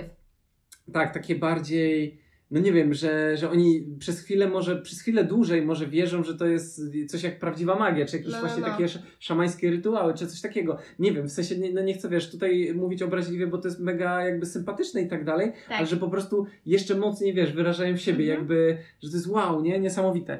To, to jeszcze inna kwestia jest na przykład z ludźmi z Azji, bo na przykład dwa tygodnie temu występowałem tutaj w Poznaniu e, w restauracji na takiej imprezie zamkniętej i tam była e, duża grupa Azjatów i oni na przykład em, nie mają takich mega, nie są tacy mega ekspresyjni, ale wydają takie bardziej, bardzo dziwne dźwięki, e, jak coś widzą magicznego, że na przykład ja coś robię i oni takie "Łe?" i tak wiesz, takie głośne, jakieś takie dźwięki niewyartykułowane, że widać, że też wiesz, doświadczyli czegoś niemożliwego, ale to Mhm. jeszcze wyrażają na jeszcze zupełnie, Tak. zupełnie inny sposób.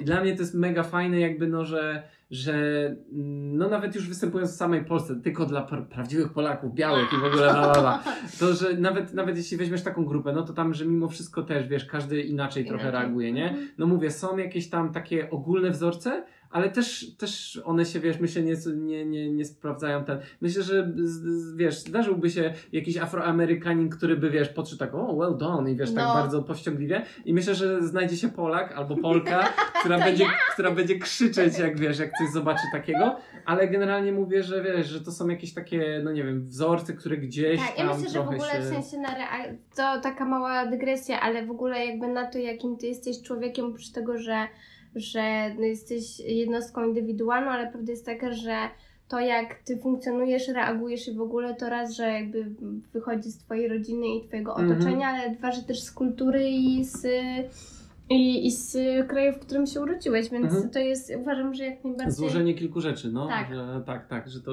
kultura, nie wiem, właśnie społeczeństwo, wychowanie, wychowanie, dokładnie. znajomi, którzy są wokół ciebie, No, tak, tak, środowisko, dokładnie. w którym się obracasz. No i ktoś naturalnie może być tam, nie wiem, Tak. introwertykiem, No, ekstrawertykiem. plus i właśnie to, do to, tego to wszystko, dochodzi że- wszystko to, co siedzi w tobie. Więc Tak, to, tak, jest, więc- to jest mega ciekawe. Ale w ogóle Tak. to ja myślę, że jakby sam, nie dość, że sam ma, wykonujesz pokaz, to jeszcze masz jakby pokaz przed sobą.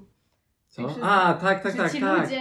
No, y, I dla, dla, ciebie to no. też chyba musi być takie Y, mega ciekawe tak. doświadczenie. Tak, bo w sumie nie wiem za każdym razem czego się do końca spodziewać, ale najlepsze jest, znaczy najlepsze, nie wiem, to jest takie trochę śmieszne dla mnie, ale czasami jak e, jestem po pokazie takim tym powiedzmy pierwszym głównym i potem gdzieś tam czaruję ludziom z bliska, albo ktoś do mnie podchodzi, jak ja już się na przykład pakuję i Mhm. chce mnie, wiesz, o coś tam zapytać, no bo wiadomo, ludzi jednak to ciekawi, bo to taka nadal, no tak jak gadaliśmy, już nietypowa dziedzina. Tak. E, I też często, przepraszam, pada takie pytanie, oprócz tego, czy długo się tym zajmuje i takich Mhm. standardowych rzeczy, pada pytanie, a panu się to nie nudzi?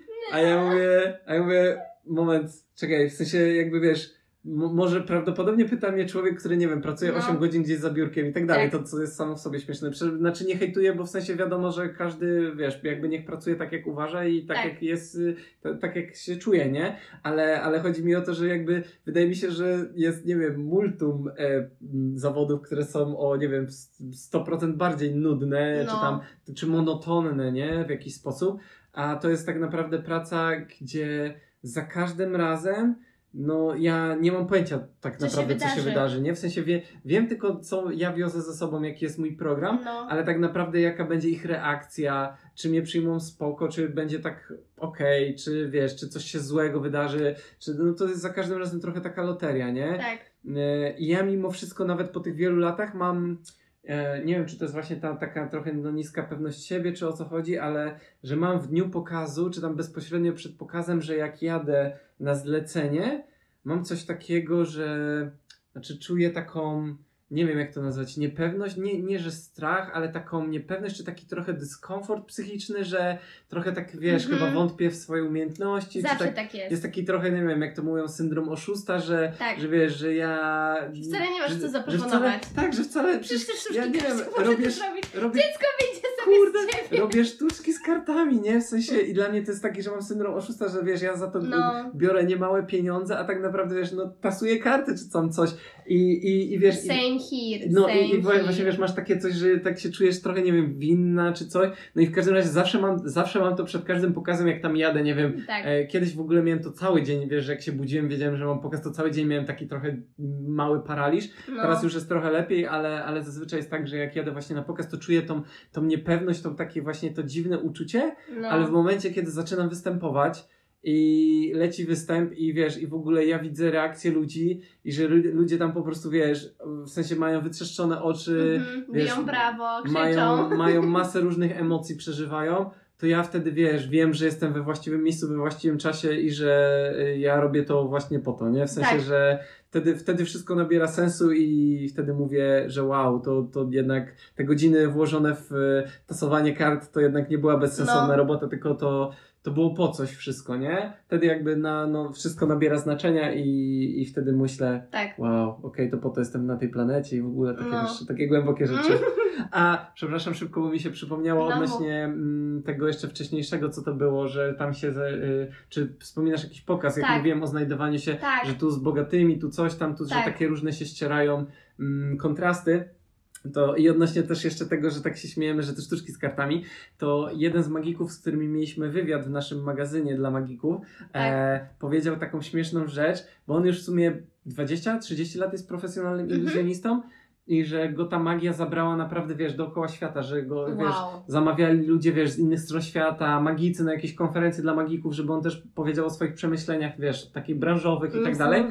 I że on na przykład podróżował, wiesz, naprawdę w różne dziwne, dziwne zakątki i, i on właśnie wspominał taką anegdotę, że za każdym razem, kiedy znajdą się w jakimś takim, wiesz, nie, niekoniecznie ultra luksusowym miejscu, ale takim dzikim, e, czy tam, takim niespodziewanym, że w, Mhm. życiu, w życiu byś nie pomyślała, że tam się znajdziesz i on, jeśli jest tam z nim jego żona, to on mówi, że zawsze jest taki, taki moment, że oni tam siedzą, tak patrzą po sobie i tak, wiesz, kiwają tak do siebie głowami i ten, i on wtedy mówi card tricks. Że wiesz, jakby... No, no, że wiesz, że wiesz, jakby robisz, robisz sztuczki z kartami, a to go zabrało dookoła świata i ta żona i wiesz, że zawsze tak patrzą na siebie z takim zrozumieniem i wiesz, to jest takie, taka beka, nie, że Prawda. w sensie kto, po, kto by pomyślał, nie, więc Kto by pomyślał? ja też, ja też jakby wiesz, nie wiem, w sensie myślę, że mi to jeszcze wiele ciekawych rzeczy przyniesie, tak, Tak. jak mówiłem, nie liczę, wiesz, na jakąś tam, nie wiadomo, jakąś karierę czy coś takiego, nie mam Mhm. jakiejś definicji Ale sukcesu. prawda to jest tylko, taka, że- że... całe wszystko jeszcze przed tobą. No w sensie, wiesz, ja jestem pewien, że jeszcze masa fajnych Ciekawych pokazów rzeczy. i tak, i w różnych nietypowych miejscach i mam nadzieję, że tak będzie, nie? Tak. Także, Co powiesz na pokaz na Martynice? Uuu, jazda, le- lecimy, no, tak, Z przyjemnością. no. Ale fajnie. mówiłeś e, trochę, już to się obiło o uszy tak pół żartem, pół serio, że nie robisz pokazów dla dzieci. I, No. I takie tam różne, ale masz jakieś zasady, według których pokazy tworzysz albo które... Aha, aha, myślałem, czy masz jakieś no zasady. mówię pół żartem, pół No, serio a nie, nie, ale, dziećmi. ale myślałem, że chcesz spytać, czy masz jakieś zasady, że na przykład, y, że od, nie wiem, 13 lat i 6 miesięcy to już nie dziecko i że można, czy coś, w sensie, że Nie, pokaz... bardziej chciałam się zapytać, no bo Mhm. powiedzmy sobie szczerze, że tych efektów magicznych chyba jest całkiem sporo. No, E, I wydaje mi się, że też zależy w sumie jak, jak na to spojrzymy, ale wydaje mi się, że też dużo osób, które e, słuchają tego podcastu, może kojarzą filmy Catch Me If You Can i tam się czekaj, działy... bo ty tak mówisz o tym Catch Me If You Can... y, No iluzja, to się nazywało iluzja A nie, to Now You See Me. No ale Catch- potem drugie to było Catch Me If Nie, You Catch Me. If You Can to jest z tym, z DiCaprio i z e, tym, że on był ten, o, oszukiwał i był pilotem. To jest to. A, Bo to ja- pomyliłam Bo ty, dwa bo ty już teraz któryś raz mówisz, a ja mówię, coś mi się ten... No, ale spokojnie. Czyli See Me, ale druga część też się nazywała jakoś inaczej. E, Necessar 2. Chyba druga część. Nie, nie, nie. E, Nie, tam no, był jakiś podtytuł, ale... W każdym razie no, po polsku to miało tytuł Iluzja i Iluzja Tak, 2. tak, no była beka z tym tłumaczeniem generalnie. Tak. No, no. I I co, co, co? No. E, no i oni tam, jakby to też jest powiedzmy jakieś tam. E, ale to się zgadza, mała przepraszam, ale to się zgadza, że uciekali, tak? To Tak, odnośnie no, no. No. No. I chodzi mi po prostu o to, co, co, czym ty się kierujesz e, tworząc swoją magię? Czy masz jakieś zasady, że czegoś nigdy nie użyjesz, albo Aha. jeszcze chciałbyś czegoś spróbować, albo że na przykład na takie rzeczy się nie godzisz? Mm, W sensie ja w ogóle się mam za taką e, bardzo mało kreatywną osobę, w sensie, że nie jestem w stanie, w sensie znając, wiesz, niektórych magików, którzy tworzą nowe Mhm. efekty i wiem, ile oni e, na przykład produktów na rynek magiczny wypuszczają, ja e, jakby nie jestem w stanie, wiesz, tak sobie, że siądę i coś, nie wiem, a, o, zobaczę, że liście spadają z drzewa i to mi przypomni o czymś i wtedy wymyślę na Okej. podstawie tego efekt magiczny. To, to, to, to nie, Nie jestem działa. w stanie tak pracować. I w sensie, że jakby, że kreatywność to też tak dla mnie stała się takim, wiesz, bardziej nie aktem takiego, że się dzieje nagle, Mhm. tylko że to, wiesz, też jest jakby proces, nie? Że, Tak. że jakby siadam i pracuję nad czymś i wtedy, wiesz, testuję różne rzeczy, to jest o, jakby taka zabawa. I Mhm. dużo właśnie iluzjonistów, którzy, do, którzy doradzają w kwestiach kreatywności, oni mówią, że biorą po prostu jakiś pomysł, zamykają się z nim w pokoju i się bawią różnymi rzeczami, które ten, w sensie, nie wiem, chcesz zrobić tam trik magiczny z użyciem talii kart, markera i chusteczki, no to nie wiem, się, wiesz, zamykają w pokoju i, wiesz, mają talię kart, marker, chusteczki i się bawią i, wiesz, eksperymentują, co można zrobić, że, nie wiem, marker możesz wziąć, yy, potem, nie wiem, napisać coś nim na karcie, potem jakoś zdjąć ten tusz, potem ten tusz wsadzić do ch- chusteczki, potem nagle machnąć i ta chusteczka nagle zamieni się z białej w czarną, nie wiem, w sensie No, teraz tak... no, yy, no, ale, ale że, że ek- eksperymentujesz i bawisz Tak. się konceptami, no i potem twój mózg jakby wiesz, y, naturalnie kiedy właśnie jest w takim playful mode, że takim ten eksperymentalnym wiesz stanie, że Mhm. wtedy on właśnie wpada na jakieś takie absurdalne rzeczy, a z tego może powstać coś fajnego. I ja na przykład y, bardzo często, tak jak ci mówiłem, biorę jakieś efekty, które mi się spodobają, Mhm. że gdzieś je widzę i się zastanawiam, co mi się w tym nie podoba, co bym chciał zmienić i czy mógłbym zrobić Tak. coś lepiej, albo coś efektywniej, w mniejszej ilości ruchów, albo coś, no, że zastanawiam Mhm. się, czy jest pole do poprawy, nie? W sensie, Tak. wydaje mi się, że zawsze jest i no, zawsze No. coś można zmienić, ale, ale generalnie czasami ciężko, nie? Na to wpaść, więc siedzę, robię, wymy- znaczy staram się zastanowić, czasami robię jakieś notatki, Mhm. więc to jest, wiesz, jakby z tą kreatywnością to jest taka praca. Mm, No i też kiedyś, teraz już trochę mniej, bo jakby no, trochę jestem przemęczony, ale kiedyś też, wiesz, miałem na przykład nagrania z pokazów, które oglądałem swoje nagrania i wypisywałem, co mi się nie podobało, wiesz, co źle zrobiłem na pokazie i też starałem Aha. się to poprawić. Okej. Teraz może mniej analizuję, w sensie teraz raczej ja, jak przyjeżdżam do domu, to siadam z notesem i staram się zastanowić, co było w tym pokazie nie tak i sobie no, odnotowuję tylko te złe rzeczy, nie? Okej. Czasami jak jest coś super, tak, tak wiesz, bardzo nietypowego, no to staram się wypisać i pomyśleć, czy da się to jakoś zaaranżować, żeby to się stało ponownie, nie? W sensie Okej. E, takie rzeczy. E, a jeśli chodzi o jakieś zasady, no to ja właśnie, e, to się też często osoby pytają o królika, o gołębie, bla, bla, bla. Ja też nie używam, znaczy nie korzystam jakby z, ze zwierząt na pokazie, bo jakby są, są efekty magiczne, w którym zwierzętom nie dzieje się krzywda, wbrew pozorom, bo niektórzy w ogóle mają jakby tak e, ujednolicenie, że efekty magiczne ze zwierzętami to zwierzę, zwierzęciu dzieje się krzywda. Mhm. Zwłaszcza, że w popkulturze też mi się wydaje, że jest taki wizerunek, że nie wiem, tam te kanarki zgniecione w klatkach i jakieś takie rzeczy. To jest E, no, że są takie gdzieś obrazki. Mm, To też nie jest tak, bo, bo właśnie tak jak ja to też opowiadałem kilka razy, że mam znajomego, który, e, iluzjonistę, który jeździł ze swoim królikiem po całej Polsce, trzymał go w mega dużej klatce, w komfortowych warunkach, zapewniał mu najlepsze pożywienie i tak dalej, bardzo od niego dbał i tak dalej. W trakcie pokazu też nawet, wiesz, bo króliki się tak wyciągało z kapelusza, to za luźną skórę na karku i to jest Tak. dobry sposób, że tego królika nie boli i jest Nic, komfortowo. ale wygląda tragicznie. Yy, No, wygląda to trochę dziwnie, ale w każdym razie wiesz, że to jest dla niego okej. Mm, I on nawet czegoś takiego nie robił. W sensie on go nawet w ogóle nie dotykał. On po prostu miał taką na scenie dużą, pustą klatkę, e, Mhm. zakrywał ją jakąś chustą, robił siu, siu, siu, nie? Czarymary. Tak. E, odkrywał i po prostu tam nagle się pojawił królik. Bez Mhm. niczego, bez żadnego dotykania, nic, żadna krzywda mu się nie działa. A, ale mimo to gdzieś tam, wiesz, jacyś obrońcy praw zwierząt i ludzie tam różni go zaczęli ścigać, nie? No bo tak naprawdę nie wiesz, co się dzieje za kulisami i tak dalej. No tak. Więc ja, no mimo, że mógbym, to wolę unikać takich No sytuacji. wiadomo, nie? no bo w sumie to zawsze tak jest, że prawda jest taka, że jak dajesz ludziom, Pożywkę pożywkę, jakieś te, nie? to No. oni wezmą to i będą e, po prostu mielić, miągwić i No, wyrzucać tak. na A, a światło jak ktoś się do czegoś przyczepi, no to już nie odpuści, nie? W sensie, Nie. jak ktoś jest bardzo taki, e, no nie wiem, ma pasję na tym punkcie, żeby coś, nie wiem, cię zniszczyć, e, Tak. czy coś, także No, to, to jest takie, no nie wiem, średnie. E, to słuchaj, bo w sumie już jest, jesteśmy dość daleko, jeszcze pewnie masz tam, nie wiem, jakieś może jedno, dwa pytania czy trzy, ale Ostatnie. ostatnie. O, no to, ale to jesteśmy w dobrym momencie. To dla wszystkich osób, które dotarły do tego momentu, może taki bonus bym rzucił, Dawaj. e, bo gadaliśmy o tym, że nie wykorzystuje zwierząt. Tak. I to było kłamstwo. Bo mam tutaj ze sobą mojego przyjaciela Niuniusia. E, Niuniuś to jest pająk. Poczekaj. Nie przestań, Żartowałem, nie, żartowałem, Maria! żartowałem. Przepraszam. Ale dostałam Ale to ataku było paniki. śmieszne, nie? Nie, żartuję. E, wiesz co, gdzieś tutaj miałem... O. E, takie białe karteczki. I teraz O. o co chodzi? Czy robimy to na wizji? No, zrobimy na wizji, jakby coś było niejasne, czy ten, to najwyżej będziesz mówiła, co się dzieje. Dobra. Ale generalnie możesz wszystkim potwierdzić, że mam e, Tak. trzy białe karteczki Trzy i, białe karteczki. i markera, nie? To są I też czarny białe... marker. Tak. Czar- czarny marker. I teraz, Mhm. Basia, tylko możesz wszystkim powiedzieć, że my się Dobrze. na to nie umawialiśmy. Nie, Nie, nie umawialiśmy się, szczerze powiedziawszy, nie wiesz, co się jestem zaskoczona. Jesteś zaskoczona. Ja się tylko trochę tak odsunę, bo muszę Dobrze. tak mieć y, małą wizję. Małą wizję. Słuchajcie, teraz na wizji Jędrzej robi efekt magiczny i będziecie słychać, słuchać mojej reakcji. I będzie, u, o, ojej. E, nie, żartuję. mm, dobra, to słuchaj Basia, wiesz co, bo e, mam tu te trzy karteczki i Tak. teraz tak.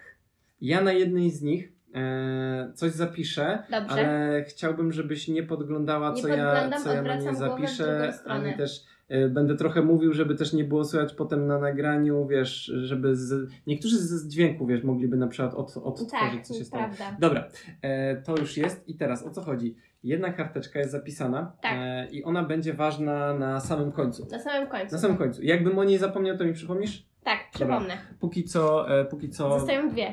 e, będzie w kieszeni. Tak, zostałem dwie karteczki i jakbym mógł Ciebie prosić, nie umawialiśmy się na Nie nic. umawialiśmy się na nic. E, wiem, że ty tam, wiesz, lubisz jakieś tam takie, em, nie wiem, ezoteryczne trochę sprawy, horoskop i tak dalej. Tak. I wiem, że, i wiem, że jesteś e, zodiakalnym lwem. Tak, ale- zodiakalnym lwem. Ale nie pytałem cię o to wcześniej i ty mi chyba nic takiego też nie mówiłaś. I jakbyś miała em, powiedzieć, czy masz jakieś takie, wiesz, zwierzę duchowe, taki spirit animal, z Mhm. którym się utożsamiasz, jakieś zwierzę, z którym się utożsamiasz, także, wiesz, reprezentuje może podobne cechy charakteru do ciebie, e, ale niekoniecznie właśnie, żeby był to lew, bo nie chciałbym, żeby to, wiesz, było jakoś tak zodiakalnie powiązane. Czy, Okej. czy byłoby jakieś inne zwierzę, z którym teoretycznie mogłabyś się w jakiś sposób, nie wiem, stwierdzić, że utożsamiasz? E, dobra. Zaskoczyłem cię, nie? będzie- Więc- Tak, no. zaskoczyłeś mnie No. totalnie. E, Chciałam na początku powiedzieć, że kot, ale skoro O, nie na... okej. może być nadal? Znaczy, może być Nie, kot, ale to jest ale takie dość jakby Dosyć popularne. podobne i popularne, więc Mhm. niech będzie motyl. O, motyl. Mhm. Wow, tak kto by się spodziewał.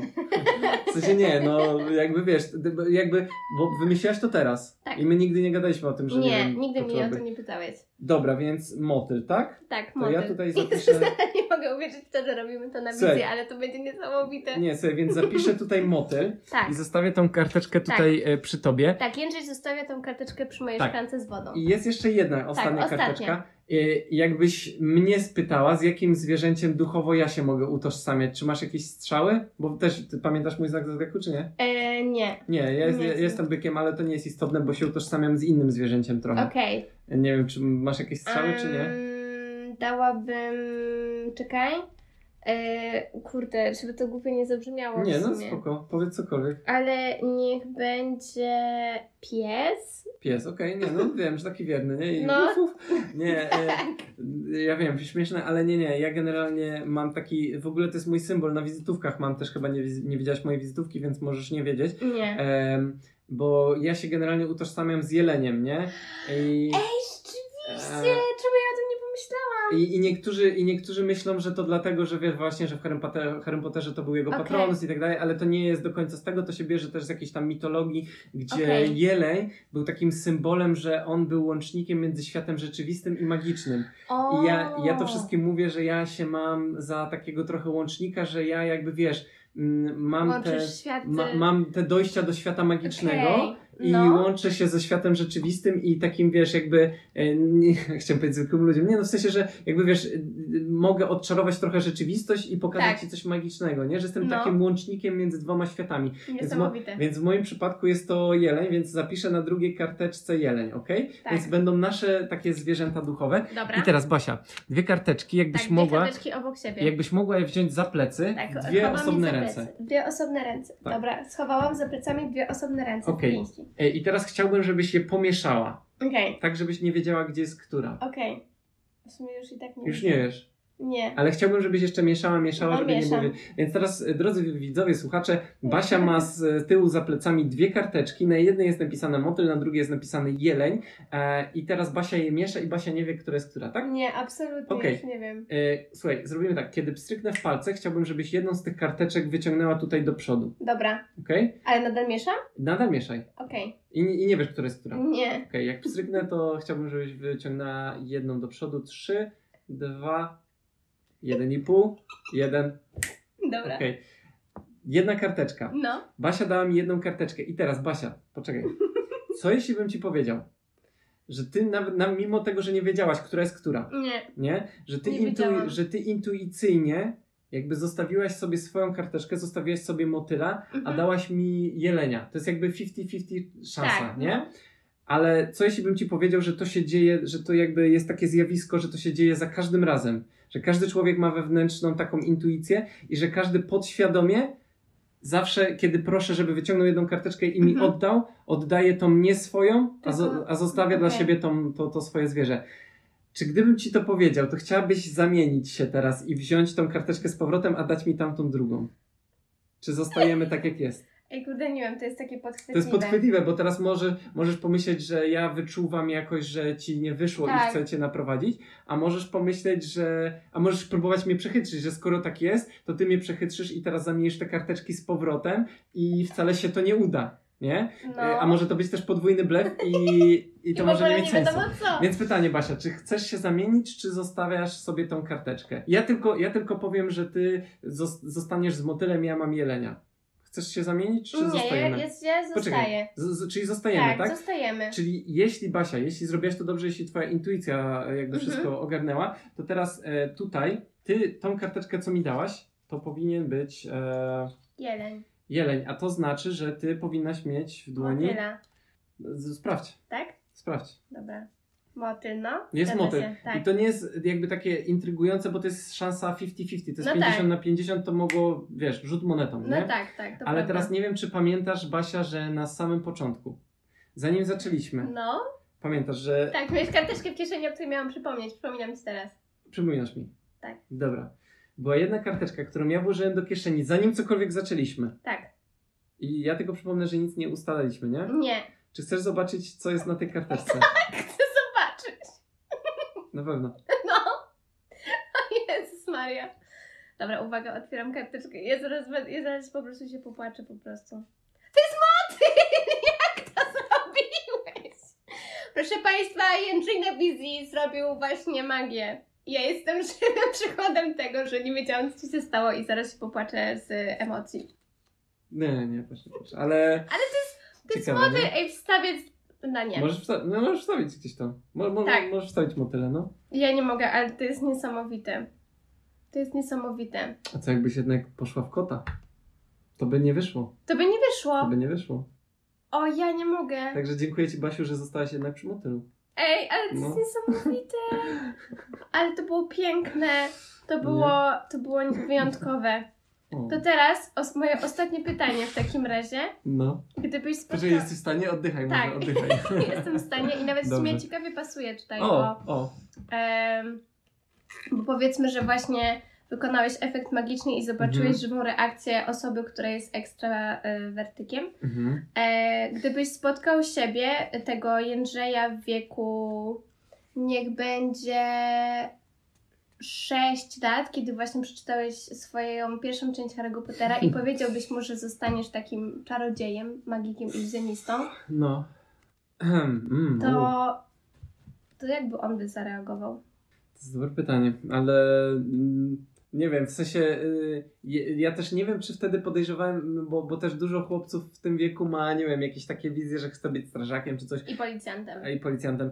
Ja nawet, ja nawet nie wiem, czy ja w ogóle miałem jako, jakikolwiek, wiesz, jakąkolwiek wizję, jakikolwiek plan, ja chyba nie zastanawiałem się nad tym, ale no w życiu bym nie pomyślał, że robię to, co robię. I czasami właśnie to też, co, co mówiliśmy, że jak jestem czasami w jakimś takim ciekawym Mhm. miejscu i sobie myślę, że wow, tutaj właśnie tam, nie wiem, przykładowo, że sztuczki z kartami mnie tutaj przyprowadziły w jakiś sposób. Tak. A, Albo motyle. Albo motyle na skrzydłach.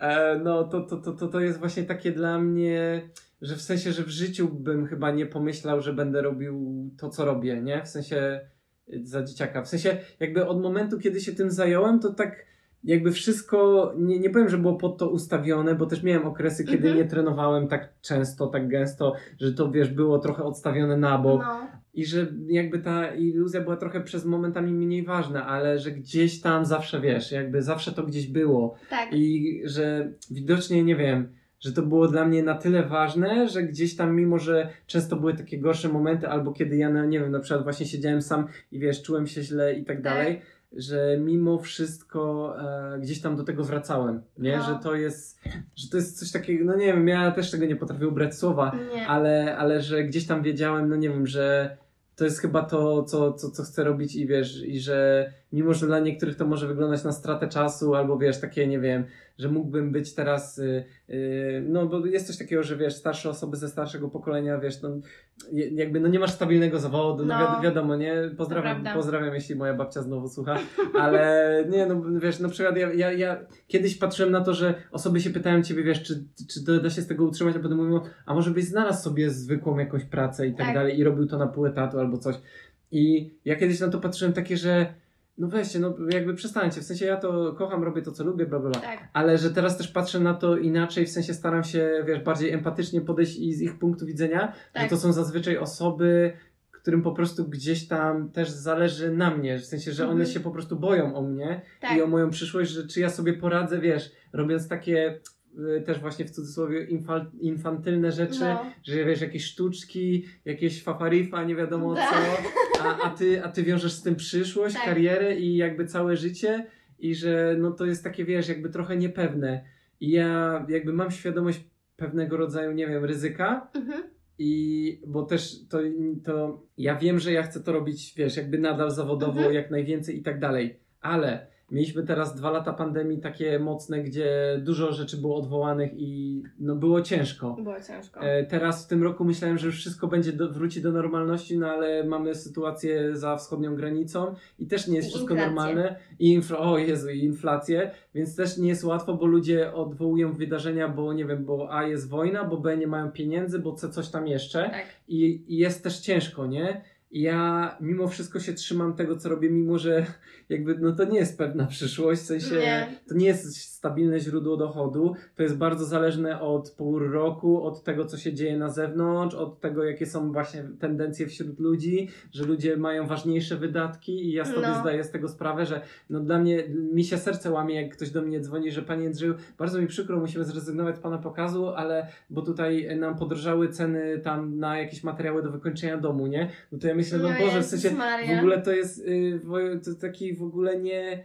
Y, W sensie ja nie rozumiem, czemu ci ludzie mi się tłumaczą. W sensie to jest No. oczywiste dla mnie, że wiesz, najważniejsze są jakieś takie podstawowe potrzeby do zaspokojenia, nie? Że ja jestem taką, no y, jednak rozrywką, która jest takim, no nie wiem, ja się śmieję, że na weselu to jestem wisienką na torcie, a nie tą Tak. podstawą, tym, tą kluczową rzeczą, Ale nie? wisienka Więc- na torcie też jest potrzebna. ja wiem, ale ja, ja, ja, rozumiem, wiem, że to wiem, tak, ale wiesz o co chodzi, nie? Że nie jestem podstawowe, że to jest takie dodatkowe, no to jest jednak trochę taka ekskluzywna, powiedzmy, Tak. rozrywka, nie wszystkich na nią stać i tak dalej, ale no nie wiem, ale w sensie ja nie wyobrażam sobie, żebym, nie potrafiłbym robić w życiu coś innego, w sensie Tak. jeśli zajdzie taka konieczność, jeśli będzie ciężka sytuacja, ja się podejmę jakiejś innej pracy, e, ale tylko dlatego, żebym mógł robić magię, nie? W sensie, No. żebym miał, żebym miał pieniądze, e, żebym mógł dalej występować i, No, i, i to jest dla mnie kluczowe, że jakby ja nie chcę wkładać swojego czasu w coś, żeby tylko mieć z tego pieniądze, nie? Jakby Tak. dla mnie to, to się rozmija z celem, to nie jest Nie. Mój, mój cel w życiu, żeby nachapać się kasy i nie wiem, żyć jak bogacz, tak. tylko ja Być chcę... milionerem. Dokładnie, ja chcę mieć fan, ja chcę robić rzeczy, które No. sprawiają radość mi i jeszcze jak sprawiają radość komuś jeszcze, to to jest dla mnie najcenniejsze w ogóle, co, co może być i no, i tego się trzymam. Pięknie powiedziane. Pięknie powiedziane. Popłaczesz się. Popatrzy się na własne słowa, nie no bez przesady, to już by było, już by No. było no, no. A e, chciałbyś dodać Przesada. jeszcze coś od siebie dla tych wszystkich ludzi, którzy szukają swojej ścieżki w życiu? To było w chłopakach nie płaczą. E, zastanów się, co lubisz robić i zacznij to robić. Nie, to brzmi jak takie klisze, ale bo też zdaję sobie sprawę, że nie każdy. Ja nie, ja, ja nie mam siebie za kogoś odważnego, bo niektórzy Mhm. mi mówią, że nie byliby w stanie robić czego, zrobić takiego odważnego kroku, że zająć się tym, co ja robię, ale to, to, co ja robię, wiąże się też z wieloma wyrzeczeniami, bo wszyscy mówią, o, bo ty masz taką super pracę, bo nie wiem, e, jeździsz sobie na imprezy No. i w ogóle jest ekstra, nie? I, za, I masz taką dobrą stawkę godzinową, ale niewiele osób widzi te ukryte koszta, że czasami właśnie jest ta sezonowość, że są miesiące, kiedy jest gorzej i ja nie zarabiam dosłownie Nic. nic, albo zarobię kilkaset złotych. No. E, są co prawda po drugiej stronie miesiące, kiedy żyję jak król i, i zarabiam, nie wiem, jako je, nie, Miliardy z pr- polskich prawie, monet. Tak, miliardy, ale, ale nie o to chodzi. Chodzi o to, że za tym jest stos wyrzeczeń, których tak naprawdę mało osób dostrzega, tak jak wcześniej Tak. gadaliśmy o tych godzinach pracy włożonej. Tak. E, to tak na przykład tutaj, no nie wiem, to są jakieś takie małe rzeczy czasami, ale na przykład wiesz, większość moich znajomych e, pracuje normalnie w tygodniu, weekendy ma wolne. Ja zazwyczaj pracuję w weekendy, w tygodniu co prawda coraz więcej imprez też się zaczyna dziać. Mam Tak. w, we wrześniu, we wtorek, środę i czwartek imprezy firmowe, ale, ale nadal jest ta tendencja, że wiesz, ja mam bardziej weekendy obsadzone i ten. I często się z osobami, na których mi zależy, się rozmijamy, bo, Tak. bo nie, nie potrafimy znaleźć e, jakby wspólnego czasu, który No, możemy spędzić Rozumiem razem. dokładnie. E, I są inne ukryte koszta, wiesz, że no nie wiem, właśnie u mnie jest to, że czasami ja robię różne działania takie reklamowe, marketingowe. I nikt ci za to nie płaci. Nikt, nikt mi za to nie płaci, to jest ta część pracy, której właśnie nikt mi nie, nie zrekompensuje. I Tak. też czasami to jest rzut kością, że nie wiem, czasami sprawdzi się jakaś reklama, czasami się sprawdzi to, że gdzieś 10 lat temu zostawiłem wizytówkę, czasami Tak. sprawdzi się jeszcze coś innego i czasami to jest trochę takie błądzenie we mgle, zwłaszcza ostatnio No. ma- mam czasami takie przygnębiające momenty, że to odczuwam, że siedzę nad tym laptopem, robię jakieś tam działania marketingowe, ana- analizuję swój biznes, ale tak naprawdę nie wiem, co mi się sprawdzi i co mi jakby No. zapewni e, jedzonko w przyszłym miesiącu, No.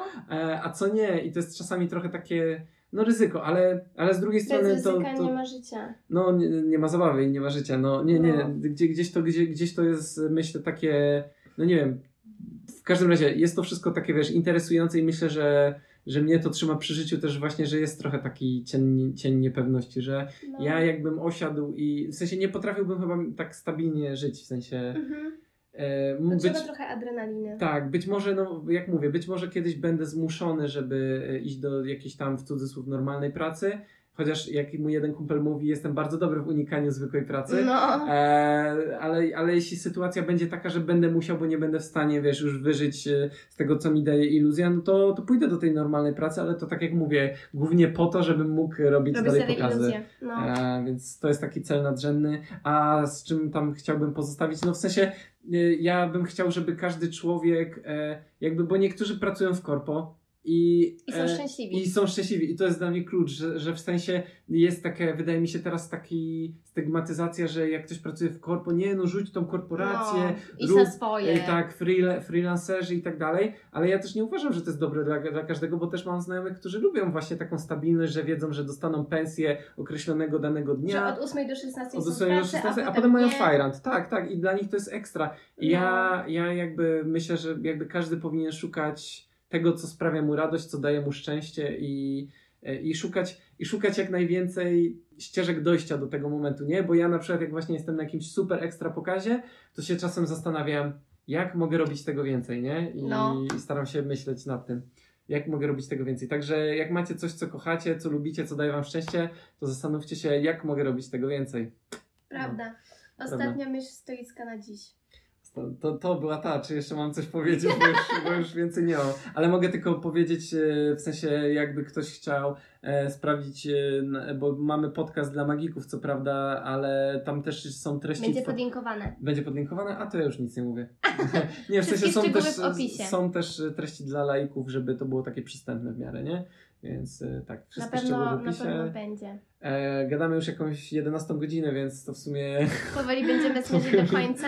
Dobra, to co, Ale- ile jeszcze? 10 pytań tylko. Nie, ale bardzo Ci dziękuję za ten wywiad, bo to jest naprawdę mm, niesamowite i wydaje mi się, że mało osób w ogóle wie o niektórych profesjach, które istnieją No, i, e, i ludzie po prostu mam wrażenie, że czasem nie zdają sobie z tego sprawy, dlatego bardzo Ci dziękuję, że zgodziłeś się ze mną porozmawiać, Dziękuję że zaproszenie. zrobiłeś na wizji niesamowite, niesamowity efekt magiczny, zadziała się magia i nadal to we mnie buzuje.